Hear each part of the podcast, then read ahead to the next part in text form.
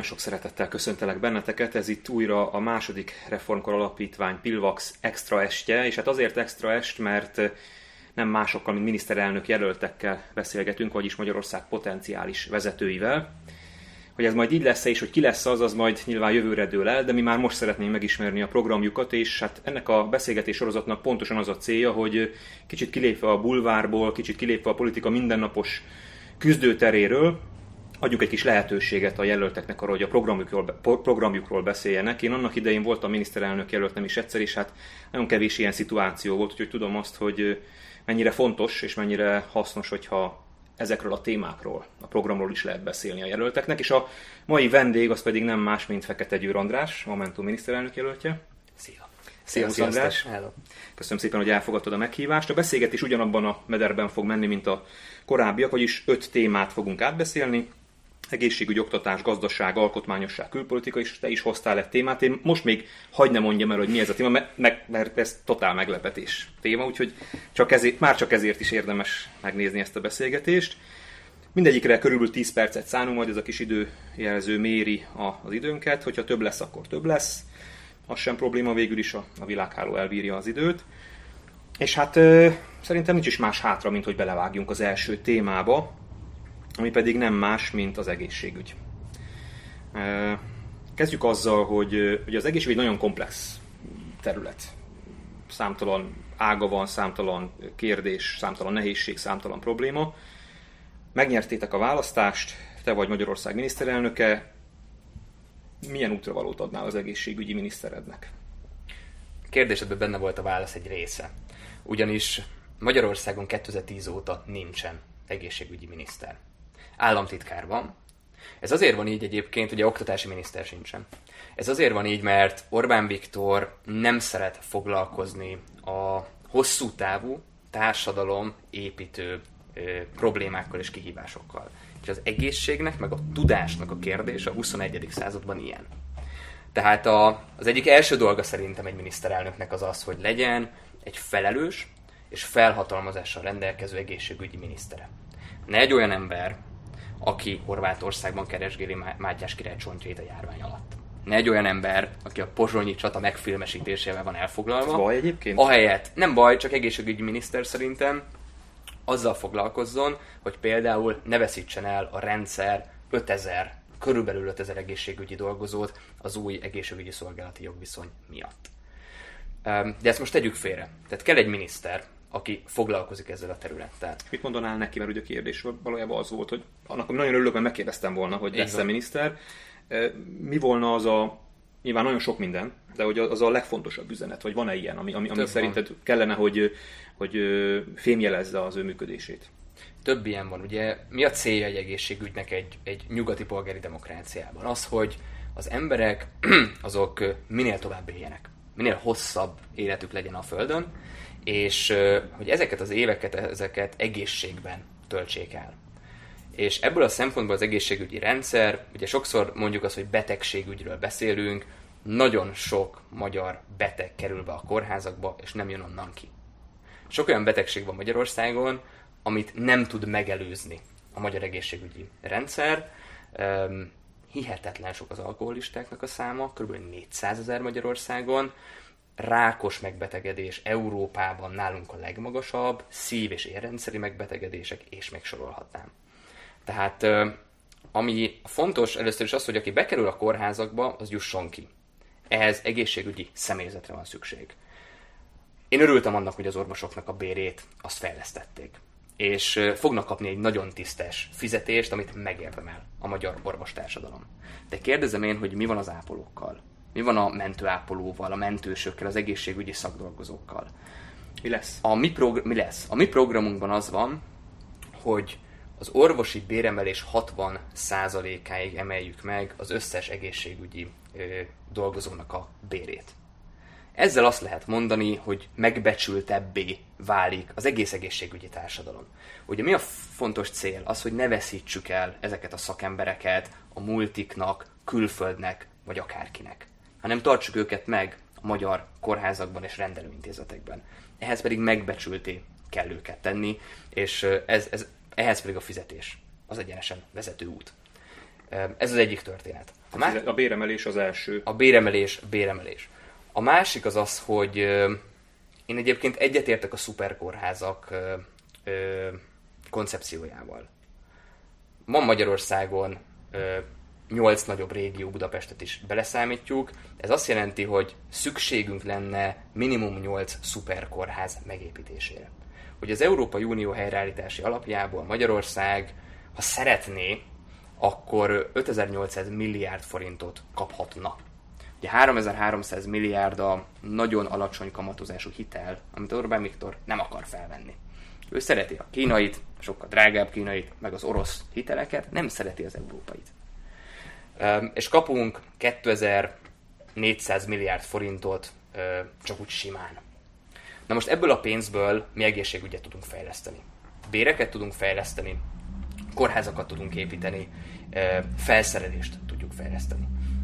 Én ezt tenném, hogyha miniszterelnök lennék, lehívnám azt a 3300 milliárd forintot, és ennek egy jelentős részét ezt kórház építésbe, és egyébként az egészségügyi dolgozók megtartására fordítanám. Aztán ott van a, az egészséges életmód. A finnek az 1970-es években az egyik legegészségtelenebb élő nemzet voltak. És aztán ők azt mondták, hogy ezen változtatni kell, és az egész életmódjukat megreformálták. Majd a finn iskola rendszerről beszélni fogunk. Az oktatás. Ugye a, az, egész, az oktatás, az egészséges életmódra nevelés viszont már ott elkezdődött náluk az iskolában. És uh, nyilván ide bekapcsolódik a, a, a mezőgazdaságnak a kérdése, a, a biogazdálkodásnak a kérdése, az, hogy mit eszünk, mit táplálkozunk. És nyugaton, a nyugati társadalmakban érték, nemzeti érték az egészség. Nálunk Magyarországon nem igazán. És ugye ez a, ez a prevenció, ez már a megelőzés része, hogy a mindenkori magyar kormány, és ha én miniszterelnök leszek, akkor egyrészt az oktatásnak szerves részét fogja képezni az egészségre nevelés, másrészt pedig, ami a, az agráriumot illeti, ott a helyben megtermelt, helyben előállított, jó minőségű magyar termékeknek kell kiemelt támogatást nyújtani a közösből. Uh-huh. Akkor mondtad a béremelést, mondtad a kórház fejlesztést az Európai Uniós forrásokból és a prevenciót. A prevenciónak egyébként én nagyon igyekszem nagyon tárgyilagos maradni, de hagyj fejezzem ki, hogy nagyon örülök neki, mert erről nagyon kevés szó esik a, a, a prevencióról az egészségügy kapcsán. De van egy másik dolog, amiről szintén kevés szó esik, és ezt azért vagyok kénytelen feltenni neked, mert ugye a Momentumról sokszor az a kép, az a percepció az emberek, hogy egy városi párt. És az egészségügynek van egy azért van egy van az első, úgymond a kapuőr része, az a házi orvosi szolgálat, ami különösen vidéken és különösen a hátrányos helyzetű régiókban óriási probléma, mert nincs házi orvos, és akik vannak az ország különféle részén, azok is hát már idősek. Nagyon előregedett a házi orvosi társadalom. És az utánpótlás én amennyire én látom, azért nem biztosított, hogy erre a Momentumnak van programja, van elképzelése, van válasza, hogy mit kezdenétek a házi orvosi ellátással, különösen azokon a helyeken, ahol már nincs? Ugye ez az alapellátás, a házi orvosi ellátás, és ez fontos kérdés. Ugyanis azt nem tudom most pontosan hány ezer házi orvos hiányzik a magyar rendszerből, de ez egy pár ezres szám. Ez nagyon sok. És nekünk a hosszú távú célunk az az, hogy először praxis közösség, majd csoportpraxis működjön az alapellátásban. Ez azt jelenti, hogy van neked egy házi orvosod a, a, a járásban, a falvak összességében, vagy több, és a, a házi orvos mellett dolgoznak olyan e, dietetikusok, e, az otthonápolásban, a gondozásban résztvevő szakemberek, akik egyébként kiegészítik a szolgáltatást alapszinten. Tehát neked nem kell elmenned a nagyvárosba, hogy ott kap meg ezeket a szolgáltatásokat. De ugye ez ember kell. És ugye az első válaszomban beszéltem arról, hogy ember akkor van, hogyha megbecsüljük ezeket az embereket. Nagy-Britannia az jó példa arra, hogy azokban a régiókban, ahol egyébként nagyon alacsony a kereset, vagy a, vagy a, a keresőképesség, és, és kevesebb az ember, elmaradottabb régió, ott felülkompenzálják fizetésben, akár tanárról legyen szó, akár orvosról, háziorvosról legyen szó, a, az illető személyeket. És uh, szerintem ez a jó irány. Tehát ösztönzik őket arra, hogy vállaljon munkát uh, az adott településen plusz pénzért. Úgyhogy nekünk alapfeladatunk, hogy az alapellátást megteremtsük, de ehhez is a pénzen keresztül vezet az út. Itt azt nézem, hogy a 10 percünk már szinte le is jár, de még mindenképpen kell egy dolgot megkérdezem. Azért nézegettem a programotokat, itt megint csak egy szubjektív megjegyzés, mert hogy van, nem, nem mindenkinél, úgyhogy itt ennek azért örültem. Magánszolgáltatók bevonását elképzelhetőnek tartjátok. Ugye sokan azért úgy fölkapják a fejüket, mert hogy van egy ilyen kép Magyarországon, hogy a magánszolgáltatók bevonása az lényegében az egészségügyi szolidaritásnak, meg a kockázat közösségnek a szétverését okozhatja, és akkor majd aki gazdag az jobb ellátást kap, aki szegény az pedig rosszabbat. Hogy látod ezt a kérdést? Vagy hogy látjátok? Az, hogy szerintem katasztrófa az az állapot, amikor nekem kétszer kell fizetnem az egészségemért. Először fizetek az egészségügyi járulék befizetésével, tehát adóval. Ugye ez TB, állami kórház, stb. És aztán, amikor úgy érzem, hogy ott nincs elég ápoló, nem szeretnék befe- befeküdni, ramatya koszt és stb., akkor én fizetek magánegészségügyi szolgáltatónak is. A magyar egészségügy ketté van szakadva. Van a szegényeknek, meg van a gazdagoknak egészségügye. A magánegészségügy a gazdagoké. Nekünk nincs azzal bajunk, hogy ha valaki jól keres, és ha szeretne extra szolgáltatást vásárolni, akkor magánegészségügybe ezt tegye meg. Ha ő egyedül szeretne feküdni a, a szobában, vagy hogyha terhes anyaként ő, ő extra kényelmet szeretne a gyermek megszületése utáni 24 órában, akkor meg lehet ezt fizetni. Viszont amiről mi írunk a programban, az az, hogy vásárolhasson kapacitást az állami egészségügyi szolgáltató a magán egészségügyi szolgáltatótól és mármint az állampolgároknak. Mert ugye a magánegészségügyben lehetnek olyan extra szolgáltatások, ami nincs meg az államiban. És ezt vásárolhassa meg az általunk befizetett adón keresztül. Olyan áron egyébként, ami ellenőrizhető, és amiért ö, jó minőségű szolgáltatás jár cserébe. Ezt hívja egyébként a szakma szektor semleges finanszírozásnak, de ebben most nem menjünk bele jobban, a lényeg az, hogy a kettőt azt össze lehet kötni. Nyugaton ez így megy. Oké. Okay. A minden egyes téma után meg fogom kérdezni, hogy van-e olyan személy most a te látókörödben, vagy akit, akit meg is tudsz nevezni, itt most nekünk, akit el tudná képzelni arra, hogy ezt a programot végrehajtsa, és hogy jól hajtsa végre. Tehát van egészségügyi miniszter jelölt. Én nem szeretnék nevekkel dobálózni. Tehát vannak kiváló nevek. Mindig meg fogom kérdezni. Én, én konkrétumok emberül szeretek mondani neveket, az biztos nem mondom el, hogy ki az egészségügyi miniszter jelölt, de ugye Havasi Gábor, a főváros egészségügyi tanácsnoka, ő momentumos. Ő az, aki nálunk az egészségügyben szakpolitikusként élen jár. Kincses Gyula, ugye a Magyar Orvosi Kamara elnöke, nagyon kedvelem Kincses Gyula munkásságát, kedvelem, tisztelem és becsülöm. És, és tudnék még mondani Kunec Zsombortól, kezdve Lantos Gabriellán át, sok mindenkit, aki, aki, aki jó lenne bővelkedik a változást, a változást akaró, igen, a változást akaró tömegek bővelkednek egészségügyi szakemberekben. Uh-huh. A másik kérdésem még az egészségügyhöz, ez az utolsó előtti kérdésem, hogy van-e olyan terület, vagy van olyan lépés, olyan intézkedés, ami a NER részéről az elmúlt 11 évben szerinted támogatható volt, és hogy az, azzal egyetértettél? Egészségügyi területen belül uh-huh. orvosi béremelés hálapénz? Most már csak hálapénz eltörlésem. Igen. Uh-huh. Azóta a harmadik, hogy fizettünk. Jó, oké, okay, mondhatsz kettőt is. Nem, nagyon sokat nem tudnék, de, hálap, harmat, ezt de hálapénz eltörlés az még ide tartozik. Aha, értem. Igen. Jó, akkor most már nem maradt más hátra, hogy 1-től 10 skálán értékeld az elmúlt 11 év egészségügyi politikáját. Hármas. Hármas. Oké. Okay. Akkor rátérünk az oktatásra. Nemrég nyilatkoztad valahol, hogy számodra ez a legfontosabb terület, jól idézlek? Igen. Akkor kezdjük megint azzal, de akkor az költői kérdés lesz, hogy lesz oktatási miniszter a Fekete Győr András kormányban? Persze. Tehát egy önálló minisztériumot fog kapni az oktatás, hogy? mint hogy az egészségügy is. Igen. Akkor megint azzal kezdjük, hogy és mi, mi, lesz, a, mi lesz az útravaló, mi lesz az, a, az az üzenet, amivel te az oktatási minisztert beleküldöd ebbe a hát ebbe nagyon-nagyon nehéz szférába. Ugye Széchenyi István azt mondta, hogy egy nemzet ereje az a kiművelt emberfők sokaságában rejlik. Na most az, hogy a 19. században a műveltség mit jelentett, és hogy a 21. században mi az, ami egy nemzetet sikeresé tesz, vagy egy egyént sikeresé tud tenni, az nem feltétlenül ugyanaz. A 21. században a tőlünk emberektől azt várja el a nagyvilág, hogy legyen bennünk képesség az alkalmazkodásra, tudjunk beszélni nyelveket, tudjunk csapatban működni, legyen kritikus gondolkodásmódunk, mert annyi információt kell feldolgozni nap mint nap, hogy muszáj, hogy legyen egy, egy gátja ezeknek az információknak a befogadásának. Um, és még lehetne sorolni. Tehát a kérdés az, hogy mi a célja a magyar közoktatásnak. A célja az, hogy ezeket a képességeket, ezeket minden magyar állampolgárnak megadja az oktatási rendszer. Tőlünk nyugatra vagy északra én a finn típusú iskola rendszerrel szoktam mindig jönni. Mert a finn modell az a világ egyik legsikeresebb oktatási modellje. Nyilvánvalóan egy az egyben te nem fogsz átvenni semmilyen rendszert, mert nem vagy ennyire ostoba.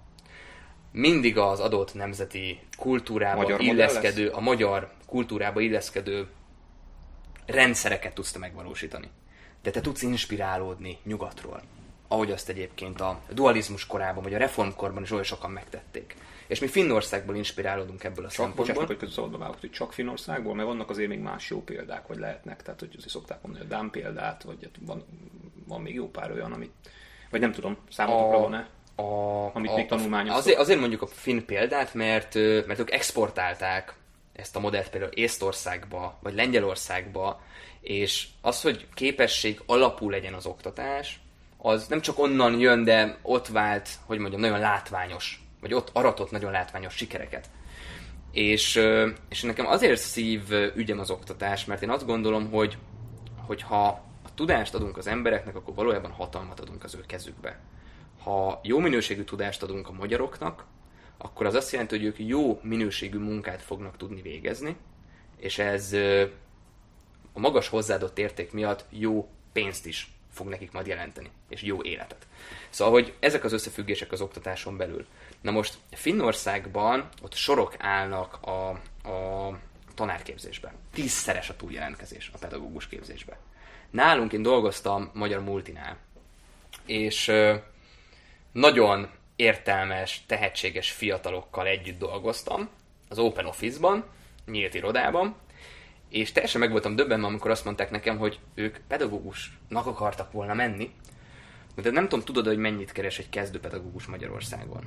Nettó 145 ezer forintot. Ők, én General Electricnél dolgoztam, amerikai cégnél. Ott három-négy évvel ezelőtt kerestünk 250 nettót, csak azért beszéltünk angolul. És ö, szerintem ez tarthatatlan. Tehát ö, ha én leszek a miniszterelnök, és, és, és én nevezhetem ki az oktatásminisztert, meg a pénzügyminisztert is, akkor azt fogom mondani, hogy a kezdő tanári fizetéseket 145 ezer nettóról 250 ezerre kell emelni. Egyszeri juttatással. Ezt kiszámoltátok, hogy ez körülbelül mennyibe fájna a ez körülbelül, ez körülbelül 80 milliárd forintjába fájna költségvetésnek. Már fájna itt rosszul, mert ugye... Annyiba kerülne. Igen, nekünk. annyiba kerül, meg, meg lehet, hogy egy, ennek lenne nyilván középtávon olyan hatása, hogy annál több jöhet vissza. Most a, a, te is erre a, utaltál. Ugye itt a mi bölökbe nem tudom, hogy bele szeretnél majd menni. Mm, hát majd a gazdaságnál ott mindenképpen. Akkor majd ott menjünk bele, de ugye ez ennyibe kerülne körülbelül a magyar költségvetésnek, és uh, nyilván ezzel párhuzamosan a több, tehát az 5, a 10, a 15 éves tanári tapasztalattal rendelkező pedagógusoknak is fejleszteni kell a bérét, csak nem ekkora arányban. Szóval itt is mi a feladatunk? Hiányzik 4907 vagy egy ilyen pontos száma a statisztikai hivatal szerint a tanár. 4907 a rendszerből. Na most nekünk őket pótolni kell. És meg kell becsülnünk ezt a szakmát. Volt lehetőségem beszélgetni egy Finnországban tanárként dolgozó magyar hölgyel. Azért, mert csatlakozott a Momentumban néhány héttel ezelőtt, mert látta, hogy mi a finn oktatás mellett kampányolunk, és wow, és jött. Csináltam vele egy online élőzést a Facebookon, te. Tehát annyira, annyira más volt a kisugárzása mint amit én megszoktam tanároktól, hogy az elképesztő. Érződött az, hogy kiegyensúlyozott, imádja, amit csinál, az, hogy az az esélyteremtő hozzáállás, ami, ami a finn iskolákban megjelenik, az, az őt is feltölti energiával. Mert ez a másik, amiről nem beszéltünk, hogy Magyarországon a társadalmi mobilitás, tehát a felemelkedés lehetősége, az egyik volna. legrosszabb, az egyik legrosszabb Európában. Sőt, ha jól tudom, a legrosszabb az elmúlt 10 évben. Így van. De az elmúlt 30 év is adós maradt ennek a megoldásával. És az oktatás az egy, az egy mobilitásképző, vagy egy az embereket felemelni tudó rendszeré tud válni.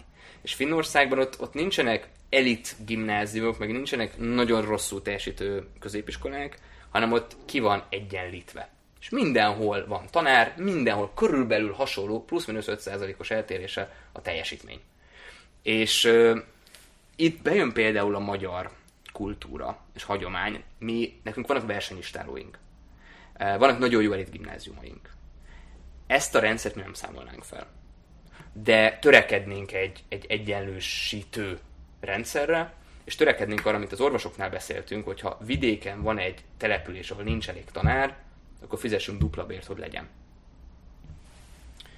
A klikkel mit kezdenétek? Mert uh, nyilván a béremelés, uh, meg az esélyteremtés az, az, az valóban elengedhetetlen, de itt lehet, hogy strukturálisan is uh, hozzá kell nyúlni majd az oktatáshoz. Vagy nem tudom, hogy ti terveztek-e strukturálisan Persze. hozzá nyúlni. Persze. Mi lenne ugye, ugye nekünk az a célunk, hogy a diákokról meg a tanárokról szóljon az oktatás. Tehát ne az állam, ne a, a klik intézmény fenntartó központ döntse el, hogy mennyi tablet, laptop, stb. legyen a, az iskolában. Ne Orbán Viktor döntse már el azt, hogy mit tanuljanak a gyerekek.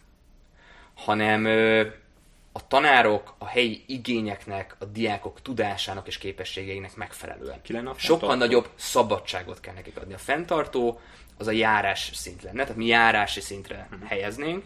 Ez azt jelenti, hogy nem közvetlenül önkormányzati szintre, hanem a kettő között. És akkor ki lenne, járási a járási szintre. szintű ö, tanúgyi vezetőket kinevezni? Erre van elképzelés? És a járási szinten lenne egy, egy tankerületi közösség, aminek részei lennének a különböző települések vezetői, tehát Tehát önkormányzati akkor lényegében az vezetői. önkormányzatok döntenének egy magasabb fórumon ugyan, de Így mégis az önkormányzatok Így kezébe van, kerülne vissza. A pedagógusi karral karöltve. Uh-huh.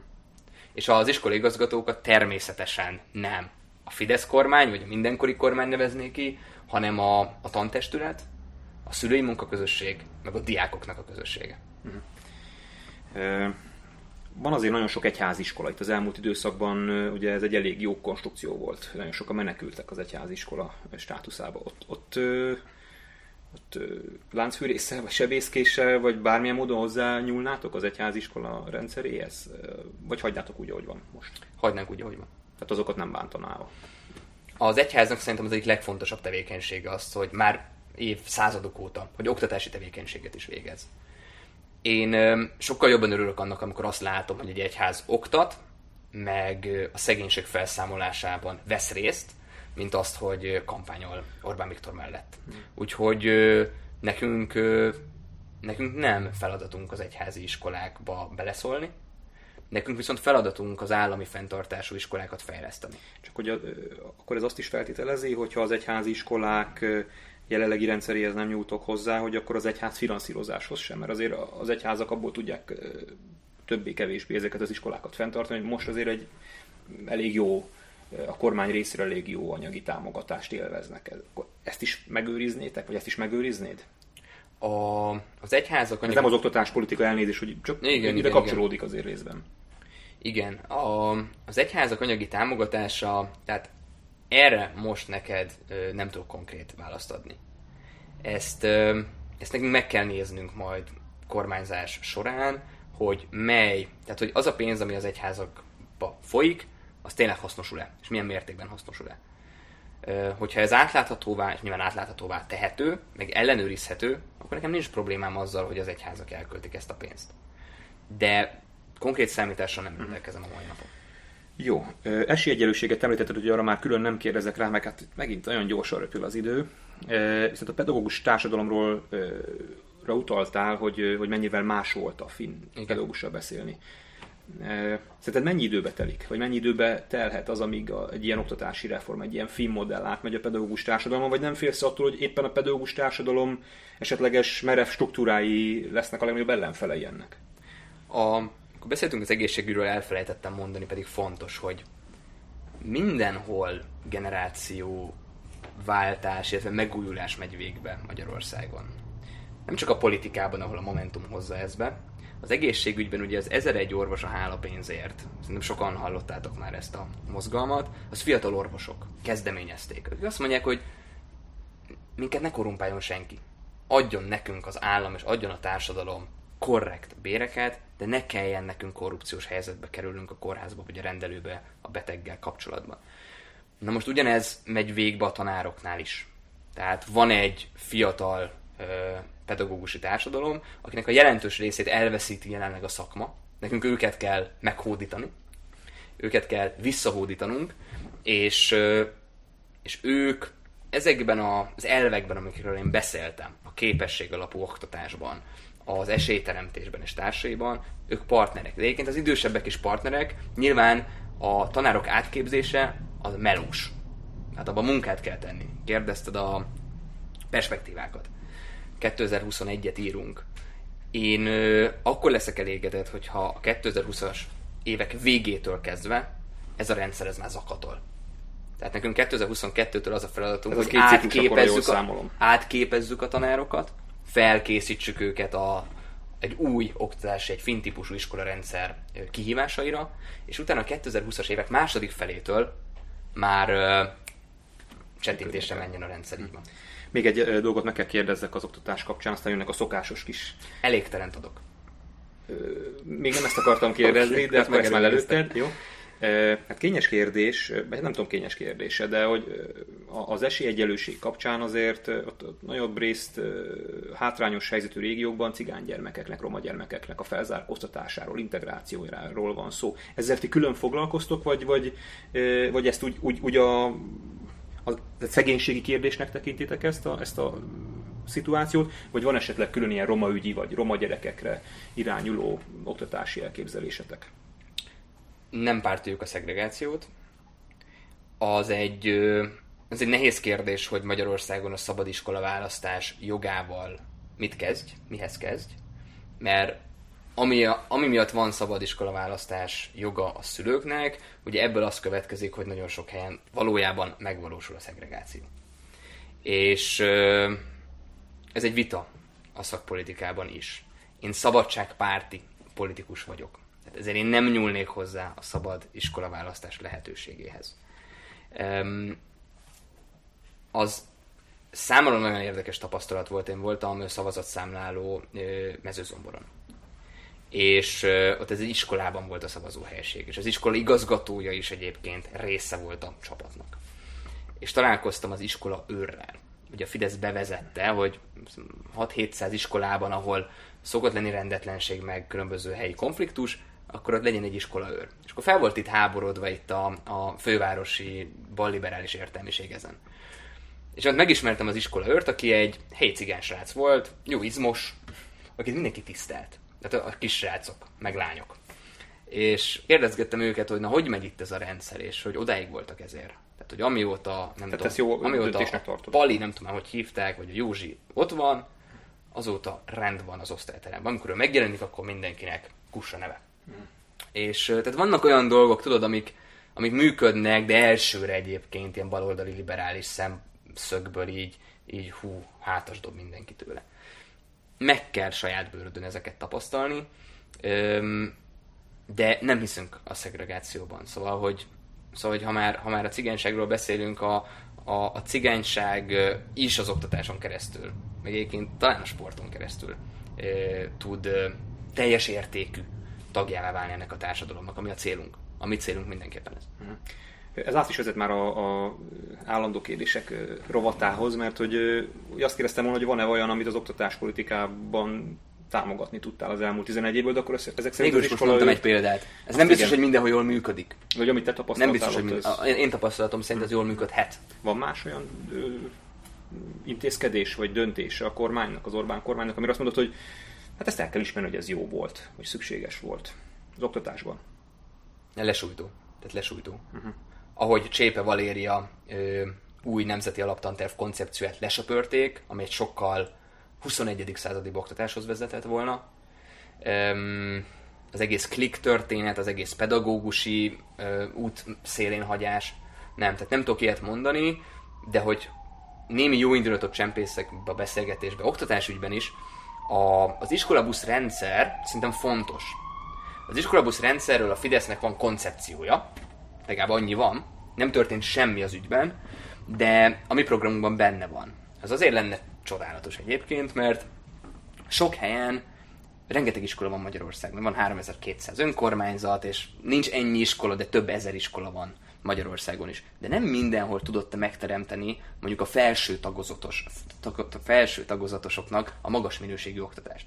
Mert nem biztos, hogy van neked annyi jó tanárod. Tehát a körzeti központokban viszont meg tudott teremteni. Vagyis fogjuk meg az iskolabuszt, vegye fel a diákokat, a felső tagozatosokat, és vigye be a körzeti központban lévő iskolába, ahol viszont minden van, és jó minőségű oktatást kapnak. Szerintem ez jó koncepció, ők nem csináltak vele semmit, de biztos, hogy ezzel élni fogunk. Jó, akkor mondj nekem esetleg neveket, és akkor megyünk tovább a következő témára, akik szerinted, ha tudsz ilyen neveket mondani, vagy szeretnél, akik szerinted oktatás témában ezt a film modellt az elkövetkezendő években sikerre tudnák vinni? A Tóth Endre, az elnökségi társa, Momentumos oktatáspolitikus, mindenképpen egy ilyen ember.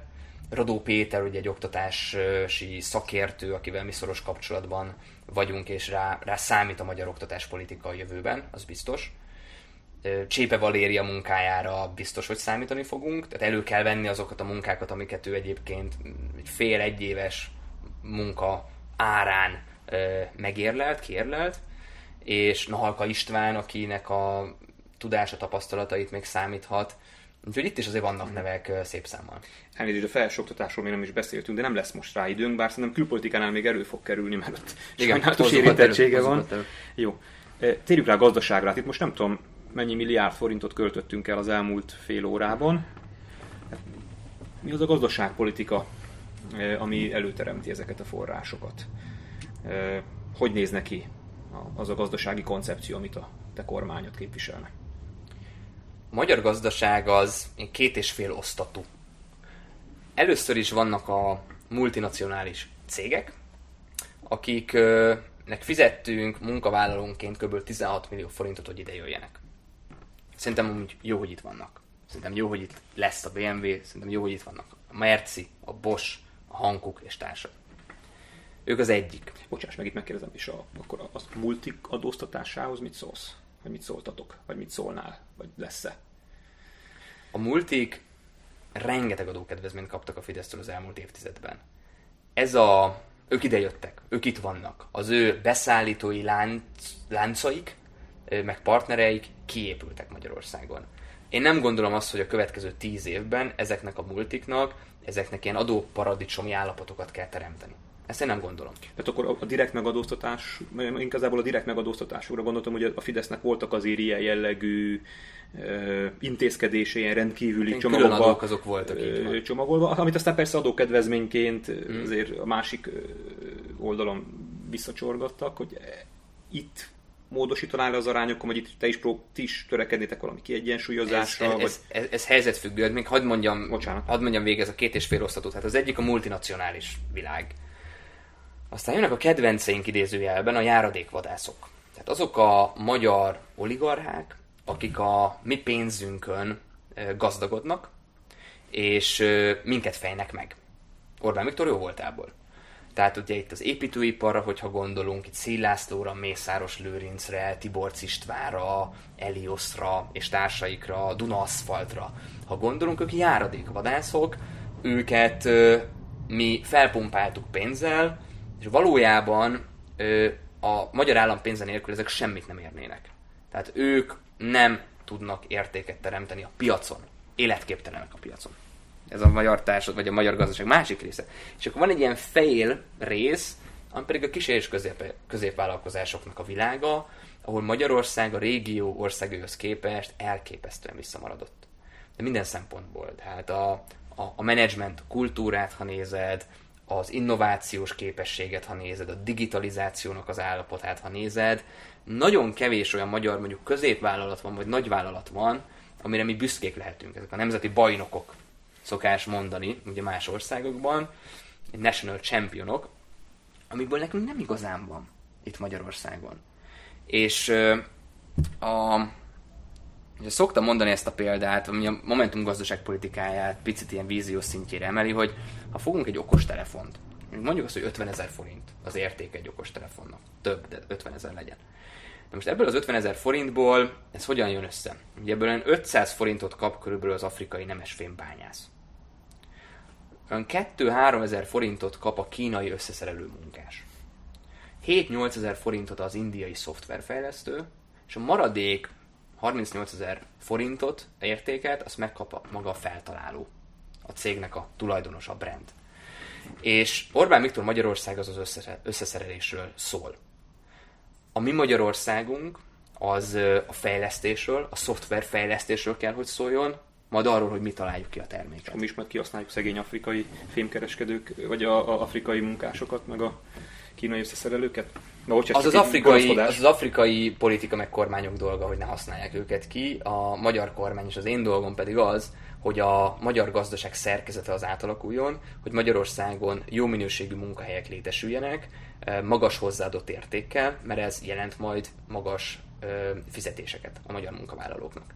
Szóval ez a, ez a cél, tehát a, a Made in Hungary mellett jöjjön be az Invented in Hungary és a magyar gondolkodásmódba. Nyilván ehhez nekünk szellemi tőkére van szükségünk. Tehát nekünk vissza kell vonzanunk azokat az elvándorolt magyarokat, ugye te is ö, indították kampányt ugye a külföldre vándorolt magyarok bevonásával kapcsolatban. Szerintem ez borzasztóan fontos. Um, én is éltem külföldön. Dolgoztam, tanultam, éltem. És tudom azt, hogy külföldön abban az 500-600 ezer főnyi magyar közösségben mekkora potenciál van. Mekkora vállalkozni, vágyás van, vállalkozó szellem van bennük.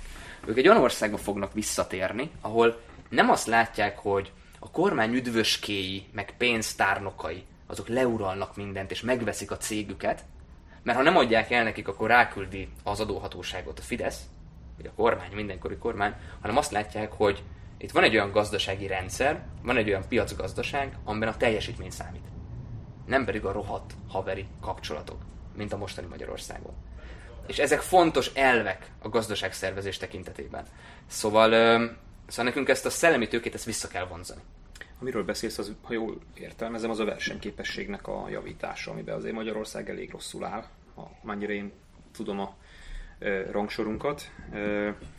Konkrétan mi, mi volna az a, az, az, mik volnának azok az intézkedések?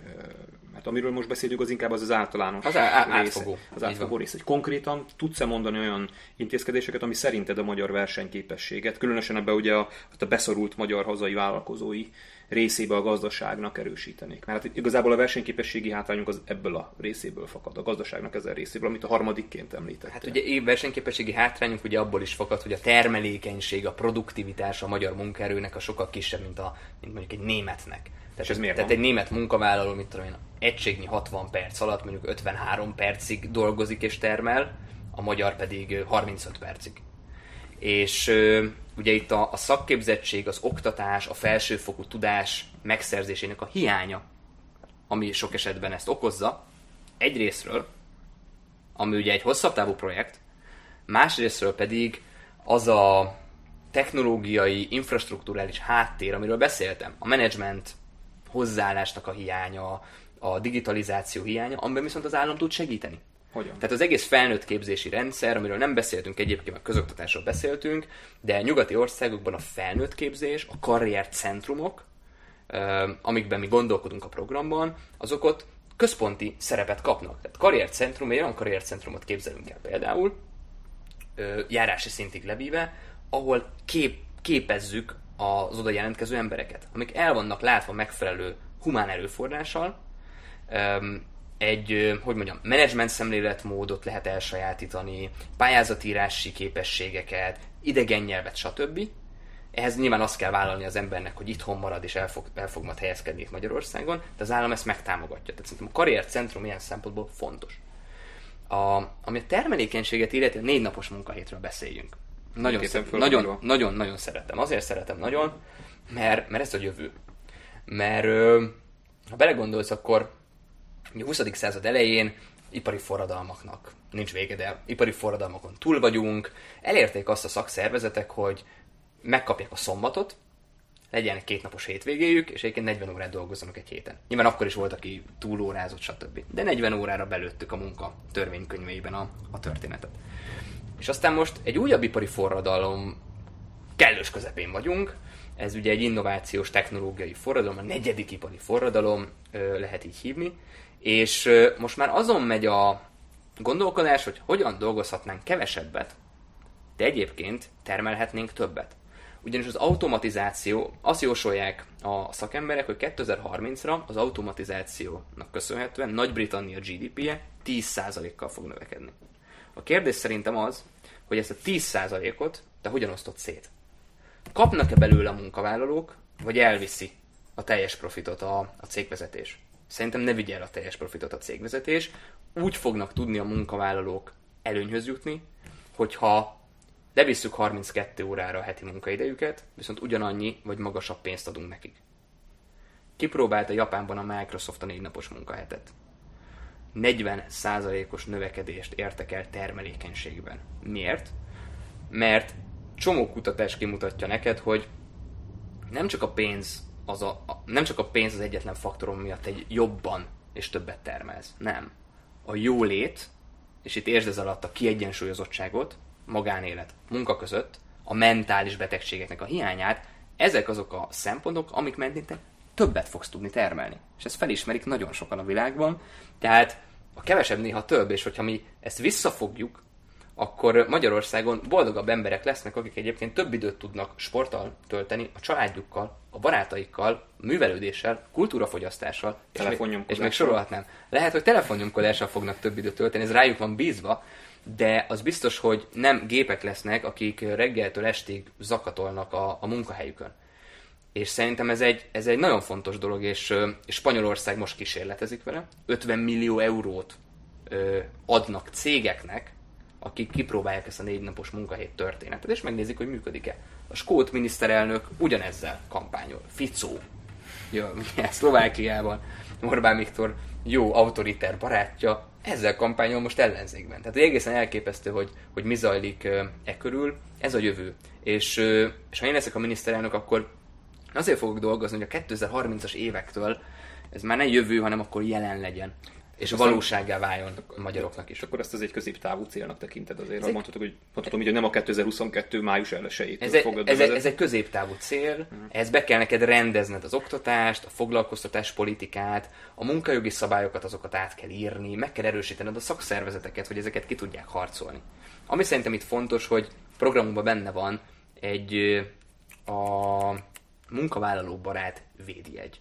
Tehát az állam azt mondja, hogy XY cég nálad megvalósul a részmunkaidő, a rugalmas foglalkoztatás, mondjuk a négy napos munkahét, te kapsz egy védjegyet az államtól, te egy jó munkavállalóbarát cég vagy.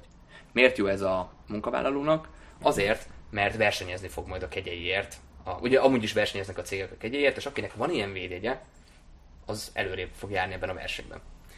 Mondtad már, hogy szabadságpárti vagy, és ugye a Momentum gazdaságpolitikájáról is az olvasható ki, hogy alapvetően, ha jól értelmezem, hogy ti azért a, itt a gazdaságban is a szabadságnak, a piaci versenynek vagytok a pártján. Nem korlátlanul. E, akkor erről beszéljünk egy picit, mert pont, pont az lenne a kérdésem, hogy, hogy ö, ö, például vannak-e stratégiai ágazatok, vagy kellenek-e stratégiai ágazatok a te kormányod számára, ahol az állam nyilván legális eszközökkel, de mégis egy picit meggörbíti a, a, a teret, és, és, és mondjuk azt mondja, hogy mondjuk egy dél-koreai mintára, vagy valamilyen más mintára azt mondja bizonyos ágazatoknak, hogy ezek lehetnek a mi e, húzó ágazataink, ezek lehetnek a, a magyar gazdaság pillérei, vagy, vagy, vagy itt is azt mondjátok, vagy azt mondod, hogy majd ezt a piac döntse el is, ne én, vagy ne a kormányunk. Egy közeves méretű országnak, mint Magyarország, szerintem fontos, hogy legyen egy olyan gazdaságpolitikai stratégiája, ami támogat különböző ágazatokat, húzó ágazatokat. Magyarországon a, a mérnöki, az informatikai tudás az, az nagyfokú hagyományokkal rendelkezik. Ezért nekünk versenyelőnyünk lehet más országokkal szemben az informatikában, az információtechnológiában, egyébként a, a nanotechnológiában, bioinformatikában és társaiban, és ezért ezeket az ágazatokat szerintem kiemelten kell támogatni államilag, tehát központilag. Egyébként ide tartozhat az egész megújuló energia világa is, ami egy rendkívül fejlődő iparág sok helyen a, a világban. Itt Magyarországon nálunk van egy csomó energiaforrás megújuló szempontjából. Itt a biomassa például, a geotermikus energia, nyilván szél, nap és társai. És az atom. És van atom is. Így van, van atom is. Ö, Lesz is. attól függ meddig. Tehát a Paks 1 az 2037-ig, ha jól tudom, meghosszabbítható. 2032-ben jár majd le a futamideje, de egyszer meghosszabbítható kb. 2037-2040-ig, és nekünk az bőven elég. Ugyanis ugye megígértük azt magunknak, hogy 2050-re ö, ugye teljesen karbonsemlegessé válik Magyarország, és a megújuló energia források azok átveszik a vezető szerepet az energia mixben. Szerintünk ennél ambiciózusabbnak kell lenni, és már 2040-re áttörést kell elérni. Ez szolgálja a programunknak az a része, hogy évente 100 ezer lakás energetikai korszerűsítését kell elvégezni az államnak, és évente 50 ezer lakossági napelem rendszert kell telepíteni. Mert azt szeretnénk, hogy a tiszta energiát azt a, az emberek termelhessék meg.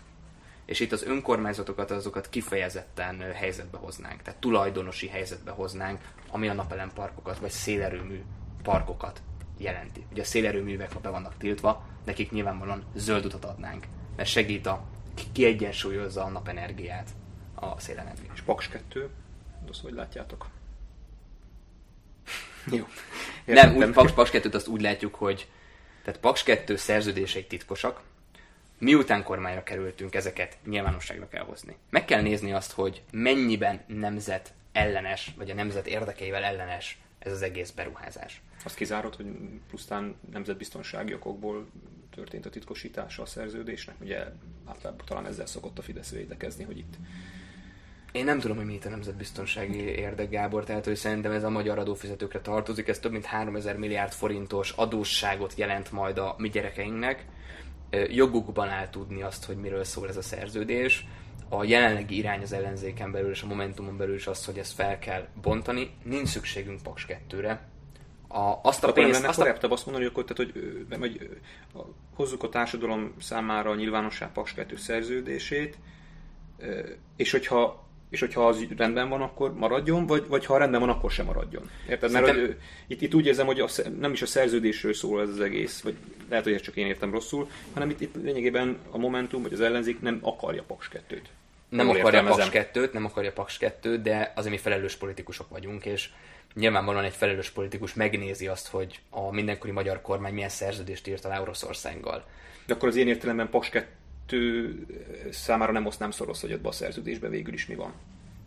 Oszthat és szorozhat, mi van abban a szerződésben, oszthat és szorozhat, meg kell nézni, de hogy mondjam, a végcél az az, hogy ezt a több mint 3000 milliárd forintot azt ne atomerőmű fejlesztésre fordítsuk, hanem már az említett projektekre, az energetikai korszerűsítés, a napelempark fejlesztés, a szélenergia és társai, abba fordítsuk a pénzt. Megint csak az a jövő, az a 21. század. Honnan kanyarodtunk el, hogy stratégiai ágazatok, és említetted az informatikusi világot, vagy a mérnöki Igen, világot, említetted a megújuló energiát. Van még ilyen esetleg? Tehát nem akarok tippeket adni, csak hogy mondjuk a Momentumnak mondjuk van ag- agrárprogramotok van, vagy az élelmiszeripar, a, ejtettél róla szót az egészséges nevelés kapcsán, Igen. itt hoznám vissza, például azt, sokan azt mondják, hogy talán ez is egy olyan ágazat lehet, ami a jövő szempontjából fontos, és az ország adottságai pedig kitűnőek ilyen szempontból. A termőföld kérdés, és itt egyébként van az energetikával egy összefüggés, mert nagyon sokszor napelemparkokat jó minőségű termőföldekre létesítenek, ahelyett, hogy barna mezős rosdővezetekbe tennék azokat, de ez zárójel bezárva. Igen, van, van, van ilyen elképzelés. A, tehát az élelmiszeriparnak a fejlesztése szerintem, szerintem elengedhetetlen. Tehát, hogy nyilván te is jártál nyugaton, közértben, mondjuk Franciaországban vagy Olaszországban.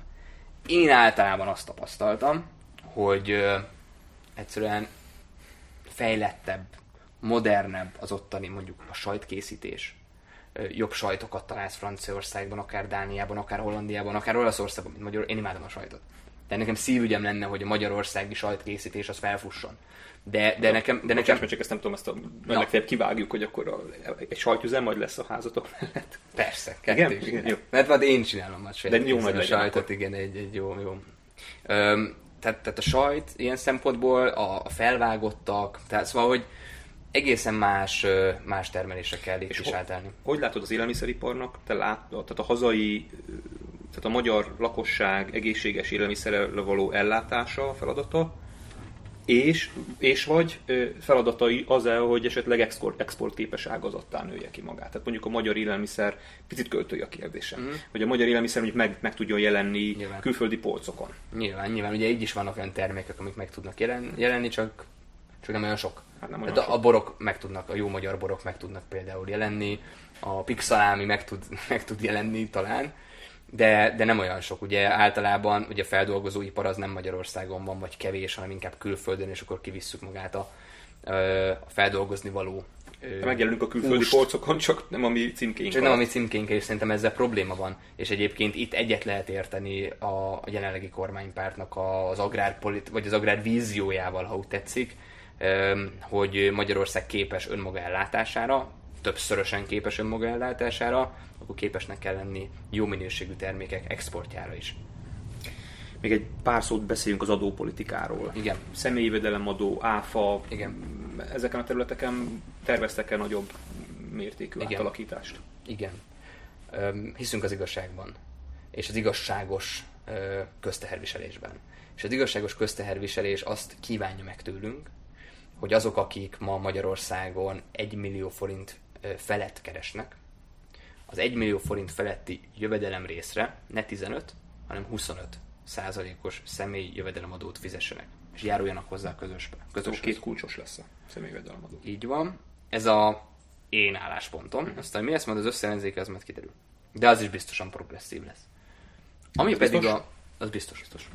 Ami pedig az alacsony keresetűeket illeti, akik a minimálbér környékén keresnek, itt ugye szó van az adómentességről, hogy adómentessé tenni.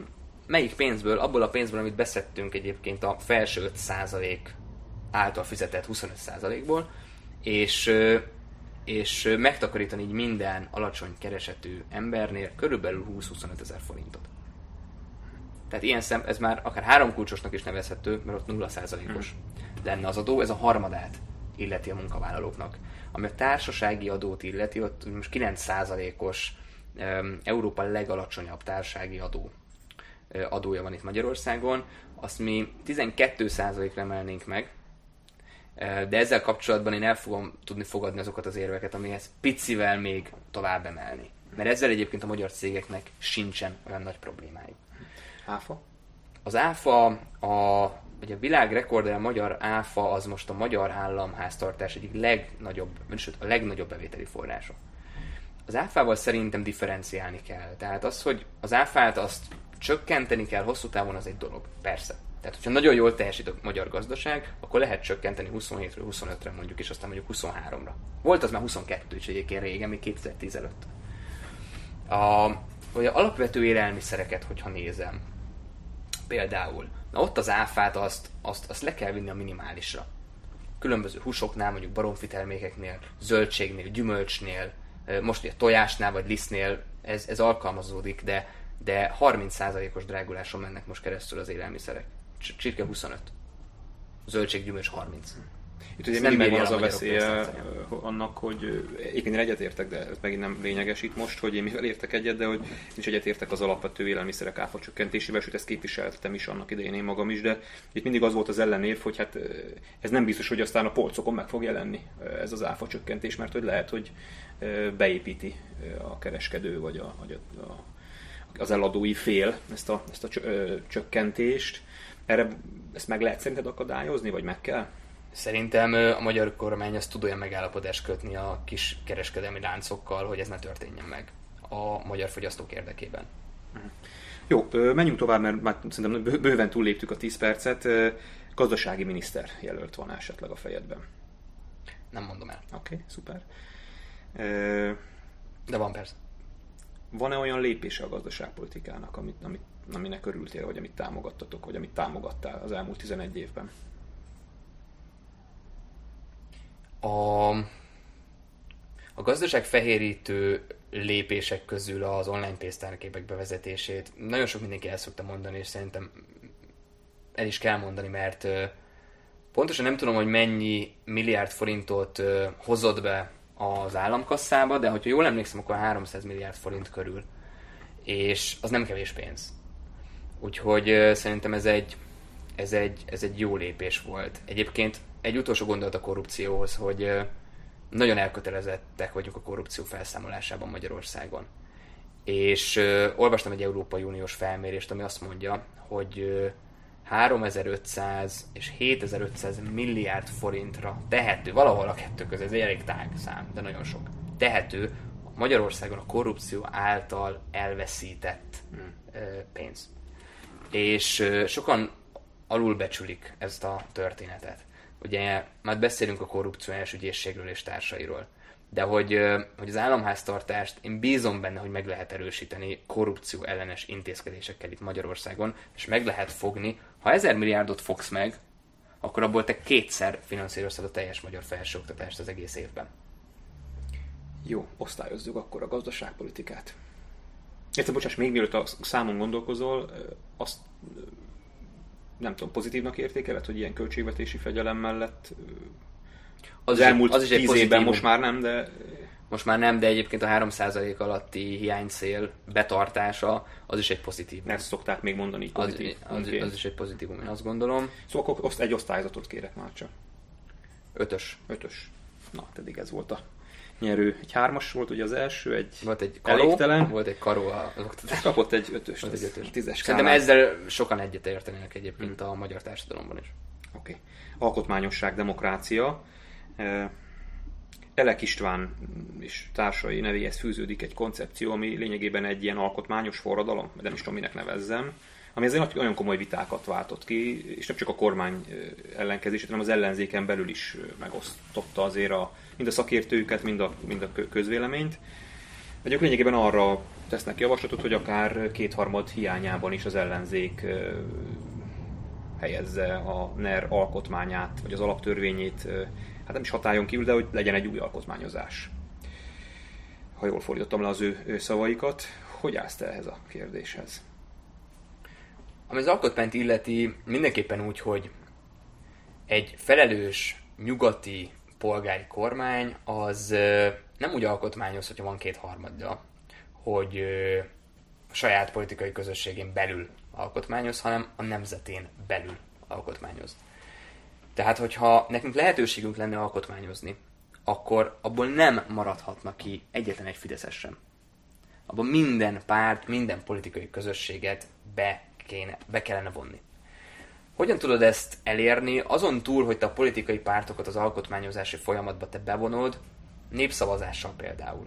Tehát te tudsz te bizonyos kérdésekben, alkotmányos kérdésekben is népszavazáshoz nyúlni, mint eszközhöz. Mi ezt szeretjük, mi szeretjük a közvetlen demokráciát, mint olyat, mint hát intézmény. Ugye azt mondják, alaptörvényt érintő kérdésekben nem illik népszavazást tartani. Hát Költségvetés is alaptörvényt érintő kérdés. Most az, hogy most illik, nem illik, itt nem feltétlenül költségvetésről van szó, mert a költségvetés az maradjon, az, másik az maradjon a kormánynak a, a hatáskörében, de arról meg lehet kérdezni például az embereket, hogy emberek, szeretnétek-e közvetlenül mondjuk köztársasági elnököt választani, mint ahogy azt a szlovákok teszik? Tehát, hogy ne egy ilyen a kormánypártok által odaültetett báb hazudja azt magáról, hogy ő testesíti meg a nemzet egységét Áder Jánosként. Hát ne vicceljünk már. Tehát, hogy az emberek mondhassák el, hogy én akarunk egy, mi akarunk szavazni egy közvetlenül választott köztársasági elnökre. Vagy mondhassák el azt, hogy a miniszterelnöki mandátum az, az lehet kétciklusos, mint ahogy mondjuk Amerikában van és persze ott prezidenciális rendszer van, ebben nem menjünk bele, de a magyar miniszterelnök, mint a végrehajtó hatalom feje, az kifejezetten erős közögi pozíció a magyar alkotmányos berendezkedésben.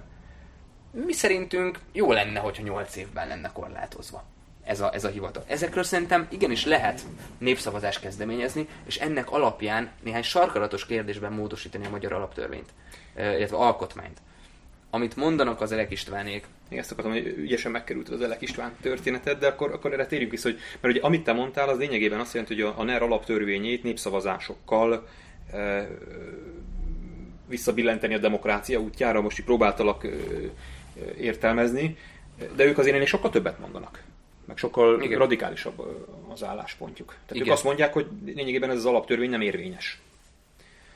Mert hogy, mert hogy olyan körülmények között született, amelyet nem kell elfogadni a magyar társadalomnak, és a, akár a kétharmad hiányában az ellenzéknek, vagy az akkori kormánynak sem. Én pedig azt mondom, hogy ennek az alaptörvénynek vannak olyan részei, amiket alkotmány, alkotmány sértőnek tartunk, és vannak olyan részei, amik pedig alkotmányos legitimáció, demokratikus legitimáció által születtek meg. Tehát 2012-ben fogadta el az alaptörvényt a, a Fideszes többség, kétharmaddal. Ezt 2010-es választásokon, még egy kétfordulós választási rendszerben nyerték el ezt a demokratikus felhatalmazást.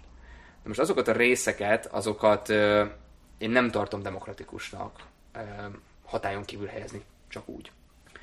Viszont azokat a részeket, amik mondjuk az utóbbi időben kerültek bele, és a közvagyon kérdéskörét érinti, vagy a közpénzeknek a kérdéskörét érinti, nevezetesen, hogy közérdekű vagyonkezelő alapítványokat hozunk létre, és, és azokban így kiszervezzük Fideszes fennhatóság alá a magyar közpénzt, azt én mélyen alkotmánysértőnek tartom, és ennek nincs helye a magyar alkotmányban. Hogy egyébként annak sincs helye a magyar alkotmányban, hogy azt mondjuk, hogy egy kulcsos személyjövedelemadó van, mert kész, mert, mert az a mindenkori kormány mozgásterének a, az aránytalan és szükségtelen szűkítése. És az alkotmányosság ugye az egy, hogy mondjam, az, az, egy, az egy ilyen mindenható történet, amihez akkor is hozzá tudsz nyúlni, hogyha éppen az alkotmány betűje nem engedné neked. Tehát az Alkotmánybíróság 2022 után felülvizsgálhatja majd a mi kérésünkre azokat a rendelkezéseket, ami az alkotmány szellemével ellentétes. De akkor az azt jelenti, hogy ahhoz az Alkotmánybírósághoz fordulnátok, amelyiknek azért a nagy részét mégiscsak a NER töltötte fel. Tehát nem féltek attól, hogy a, ez az alkotmány, ha jól értelmezem, amit mondtál, ez az alkotmánybíróság nem biztos, hogy partner lesz a NER lebontásában. Ugye kérdés, hogy a kezdeményező, tehát ha azt mondjuk, hogy kedves alkotmánybíróság, akkor tessék szíves hatályon kívül helyezni azokat a rendelkezéseket, amiket mi nem tartunk alkotmányosnak, ez az egyik út.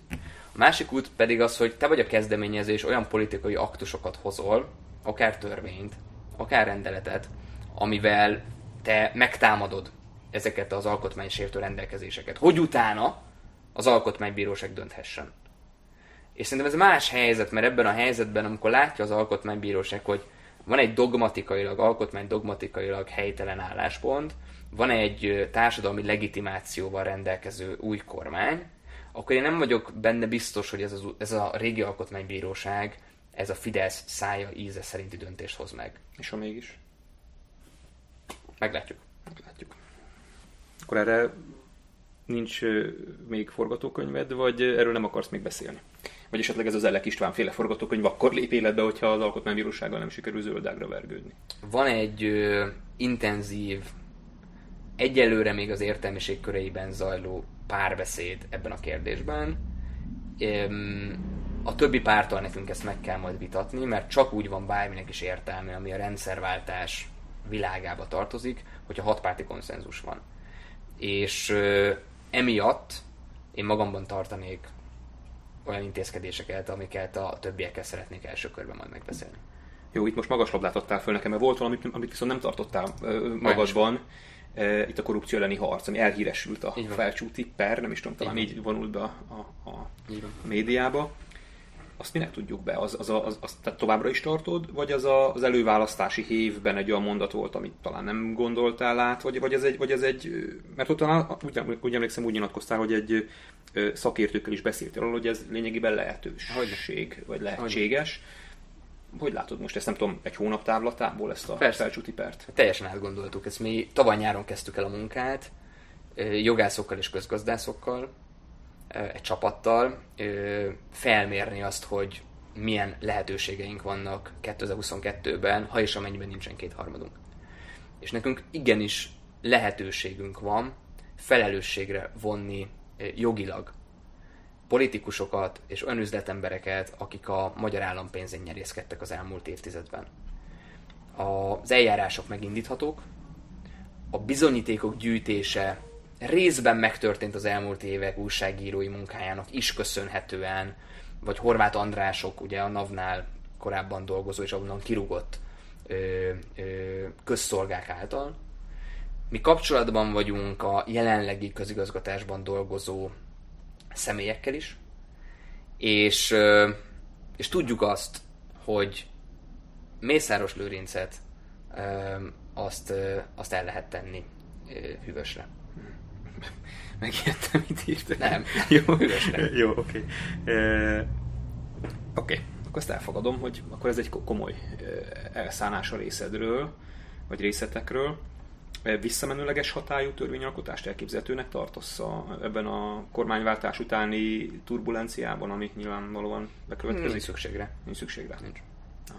Vagyonadót kivethetsz, például, és ez benne is van a rendszerváltó programunkban, a kastélyok, jaktok, magánrepülők, egyéb luxus ingatlanokra, amiket, amiket bizonyíthatóan közpénz bevonásával vettek, vagy közbeszerzésen nyertes cégek vettek, azokat meg tudjuk adóztatni kőkeményen.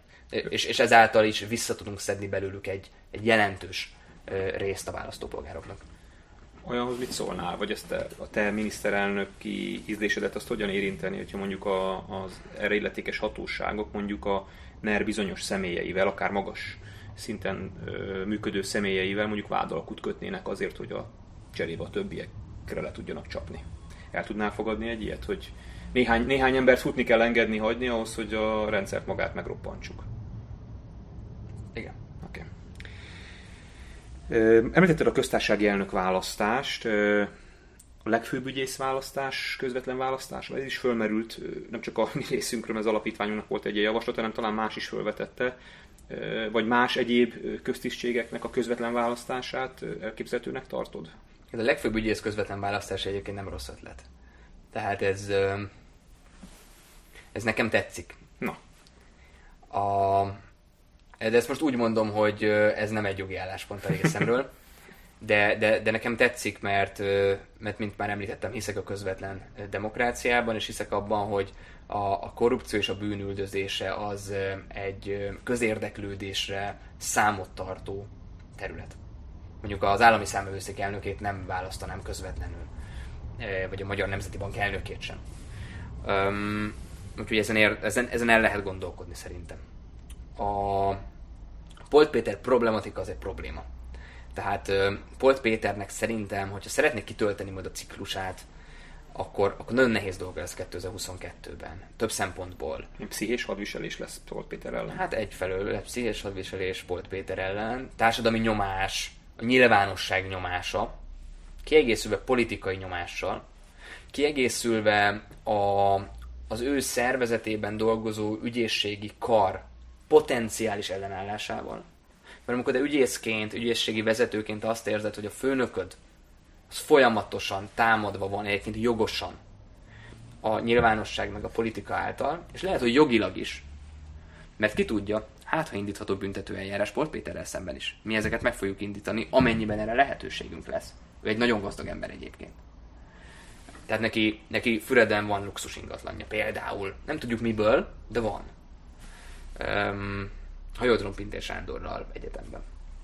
Na most, na most akkor az annyi minden, ami, ami satuba tudja fogni az ő személyét és hivatalát. És én szerintem el lehet vinni őt lemondatásig. És ugye itt jön be a képbe a korrupció ellenes ügyészség, ami neked nem kell kétharmad. Tehát ezt te létre tudod hozni kormányként, felállítod ezt a szervet, te belátásodra van bízva, hogy mennyi erőforrást adsz neki. Pénzben, jogi lehetőségekben és emberi erőforrásban és őt is rá tudod engedni, mint párhuzamos intézmény az ügyészségre, és egyébként a magyar oligarchákra és Orbán Viktorékra is. Mi a biztosítéka egy ilyen korrupcióellenes ügyészség felállításának, amit annak idén egyébként én is támogattam, meg most is. Mi a biztosíték rá, hogy ha megalakul, akkor mondjuk feltárja a Momentum esetleges, vagy az, ellen, az akkori kormány, a mostani ellenzék és akkori kormány esetleges korrupciós ügyeit is, és nem csupán egy ilyen, ö, hogy mondjam, ö, színvak korrupciós ügyészség lesz, amelyik a Fideszes korrupciót üldözi, de mondjuk eltekint, vagy elnéz, vagy elsim, elsimítja mondjuk a másik oldalét. Kérdeztél neveket tőlem. Itt meg tudok nevezni. Tehát itt a, egy, név lehet a garancia itt szerintem. meg tudok nevezni egy személyt, aki akinek feladata lesz az, hogy a korrupcióellenes ügyészség felállításával, irányításával kapcsolatos kormányzati feladatokat és koordinációs feladatokat Tipeltek. vezesse. Hatházi Ákos. Nehéz volt, nehéz volt kitalálni. Így van, Aha. így van, így okay. van. Tehát az ő, ő személye a garanciátok arra, hogy, hogy mint Sauron szeme mindent látni fog, és akármilyen színű korrupció lesz, le fog rá csapni. Szerintem nem csak számunkra, hanem a teljes magyar társadalom számára egy garanciális személy a korrupció elleni harcban, igen. Értettem. Jó. Ö, népszavazás kérdése. Itt említette többször a népszavazást. Te szeretnéd azt, hogyha Magyarországon lennének gyakrabban, költői a kérdés, tudom, népszavazások, és hogyha igen, akkor mit tenne azért a te kormányod, vagy az a parlamenti többség, hogy ez így legyen? Vagy tennétek-e valamit, vagy ezt a társadalomra bíznátok, a társadalomban van akarat erre, akkor... Először is mi egy olyan párt vagyunk, ami majdnem elvitt népszavazásig egy ügyet, ugye ez volt a olimpia ügye, csak aztán végül Orbán Viktorék ezt nem akarták, hogy egy valódi ügyben az emberek elmondhassák a véleményüket, ők ilyen kamu konzultációkat szeretnek csak inkább helyette. Um, először is megkönnyítenénk a népszavazás intézményét, tehát ha lehetőségünk van, akkor az alkotmányból kivennénk olyan tárgyköröket, amik most népszavazásba ütköznek, illetve nem lehet népszavazni róluk. Másik oldalról pedig szerintem lesz 2022 után sok olyan kérdés, amiben a magyar kormány akkor jár majd el jól, hogyha népszavazásra bocsátja az adott kérdést. Lehet, hogy ha már Paks 2-ről beszéltünk, akkor a Paks 2-es szerződések megismerése és egy arról folytatott mondjuk fél éves társadalmi párbeszéd után azt tudja mondani a kormány, hogy gyerekek, ha felmondjuk ezt a szerződést, akkor 300 milliárd forintot kell fizetnünk Oroszországnak mondjuk kötbér kapcsán, vagy, vagy, vagy keretében, akarjuk-e ezt, vagy sem. A mi álláspontunk az, hogy igen, akarjuk, de azért döntsük már erről közösen, mert ez mégiscsak sok pénz. Népszavazunk róla. Hm. Mondtam egy példát. Értem. A, említetted, hogy volt egy kezdeményezésünk az alapítványnak, a másik reformkor alapítványnak az online népszavazás, amin keresztül ugye a külföldiek levélszavazására tettünk javaslatot. Ezt egyébként itt hogy mondjam el, mert hogy a Momentumtól komoly támogatást kaptunk ebben a kérdésben. Tehát itt most csak azért kérdezem meg, hogy benne legyen ebben az adásban, és hangozzon el, hogy a külföldiek számára a szavazásuk gyakorlására ti ezt a lehetőséget biztosítanátok. Persze. Online szavazás, ha már Észtország szóba került, azt, azt hogy látod annak a jövőit így Magyarországon? Hát az, hogy ez a jövő, és az, hogyha észteknek sikerül online választásokat, népszavazásokat lebonyolítani, akkor gondolom, hogy Magyarországnak is ez sikerülnie kell, és sikerülni is fog. Úgyhogy szeretnénk online népszavazásokat, online választásokat, és azt is szeretnénk egyébként, hogy 16 éves kortól bele lehessen szólni a politikába, és egy 16 éves fiatal részt tudjon menni a választásokon. Oké. Okay. Még egy kérdésem van ide az alkotmányosság, demokrácia, meg jogok kérdéséhez. Ugye ebben a kérdésben elég egyértelmű az álláspontotok, csak itt is szeretném, hogyha ez szóba kerülne. Ugye az a meleg párok kérdése, hogy az ő jogaiknak a, a, a családalapításra, a házasságkötésre, gyermekvállalásra, vagy gyermeknevelésre ezt ti, ha jól tudom, vagy jól értem, vagy jól látom, támogatjátok jogvégzett ember vagyok. Uh-huh. Ha valaki jogvégzett ember, akkor hisz a jogegyenlőségben. Um, vannak, akik nem hisznek a jogegyenlőségben, ők, ők a Fideszben politizálnak jelen pillanatban, meg a Jobbikban is egyébként sokan nem hisznek benne, ezt én sajnálattal uh, veszem tudomásul. Na most uh, Magyarországon, ugye itt az örökbefogadás kapcsán szokott felmerülni ez a, ez a, ez a helyzet, hogy uh, Biztos-e az, hogy jobb-e nevelőintézetben nevelkedni, mint mondjuk egy, mint két anyánál, akik mondjuk diplomások, van egy jó keresetük, és szeretetet, gondoskodást tudnak nyújtani a, a, a gyermeknek. Szerintem jobb az utóbbi. És a jelenlegi rendszer az megfosztja a gyermekeket attól sok esetben, hogy boldog, kiegyensúlyozott családnál nőhessenek fel vagy máshogy mondom, melyik a jobb, hogyha egy heterópárhoz kerül a gyermek, amely heterópárban mondjuk az egyik fél kőkemény alkoholista, és mondjuk családon, akkor az már családon, be, családon belül erőszakra hajlamos. Nyilván nem juthatna hozzá, de mondjuk tegyük fel, hogy tehát vannak ilyen hátráltató tényezők, vagy, vagy két anyuka, aki egyébként kiegyensúlyozott életet él egymással erre nem tudom, mit mond egy, egy Fideszes, lehet, hogy azt mondja, hogy igen, menjen az előbbibe, egy Momentumos arra azt mondja, hogy menjen az utóbbiba. Uh-huh. Tételezzük föl, hogy megalakul a kormányod, és a parlament elé kerül ez a kérdés. Még jön a Fidesz, és azt mondja, hogy akár a Jobbik támogatásával, hogy ez egy fontos kérdés, tartsunk róla népszavazást.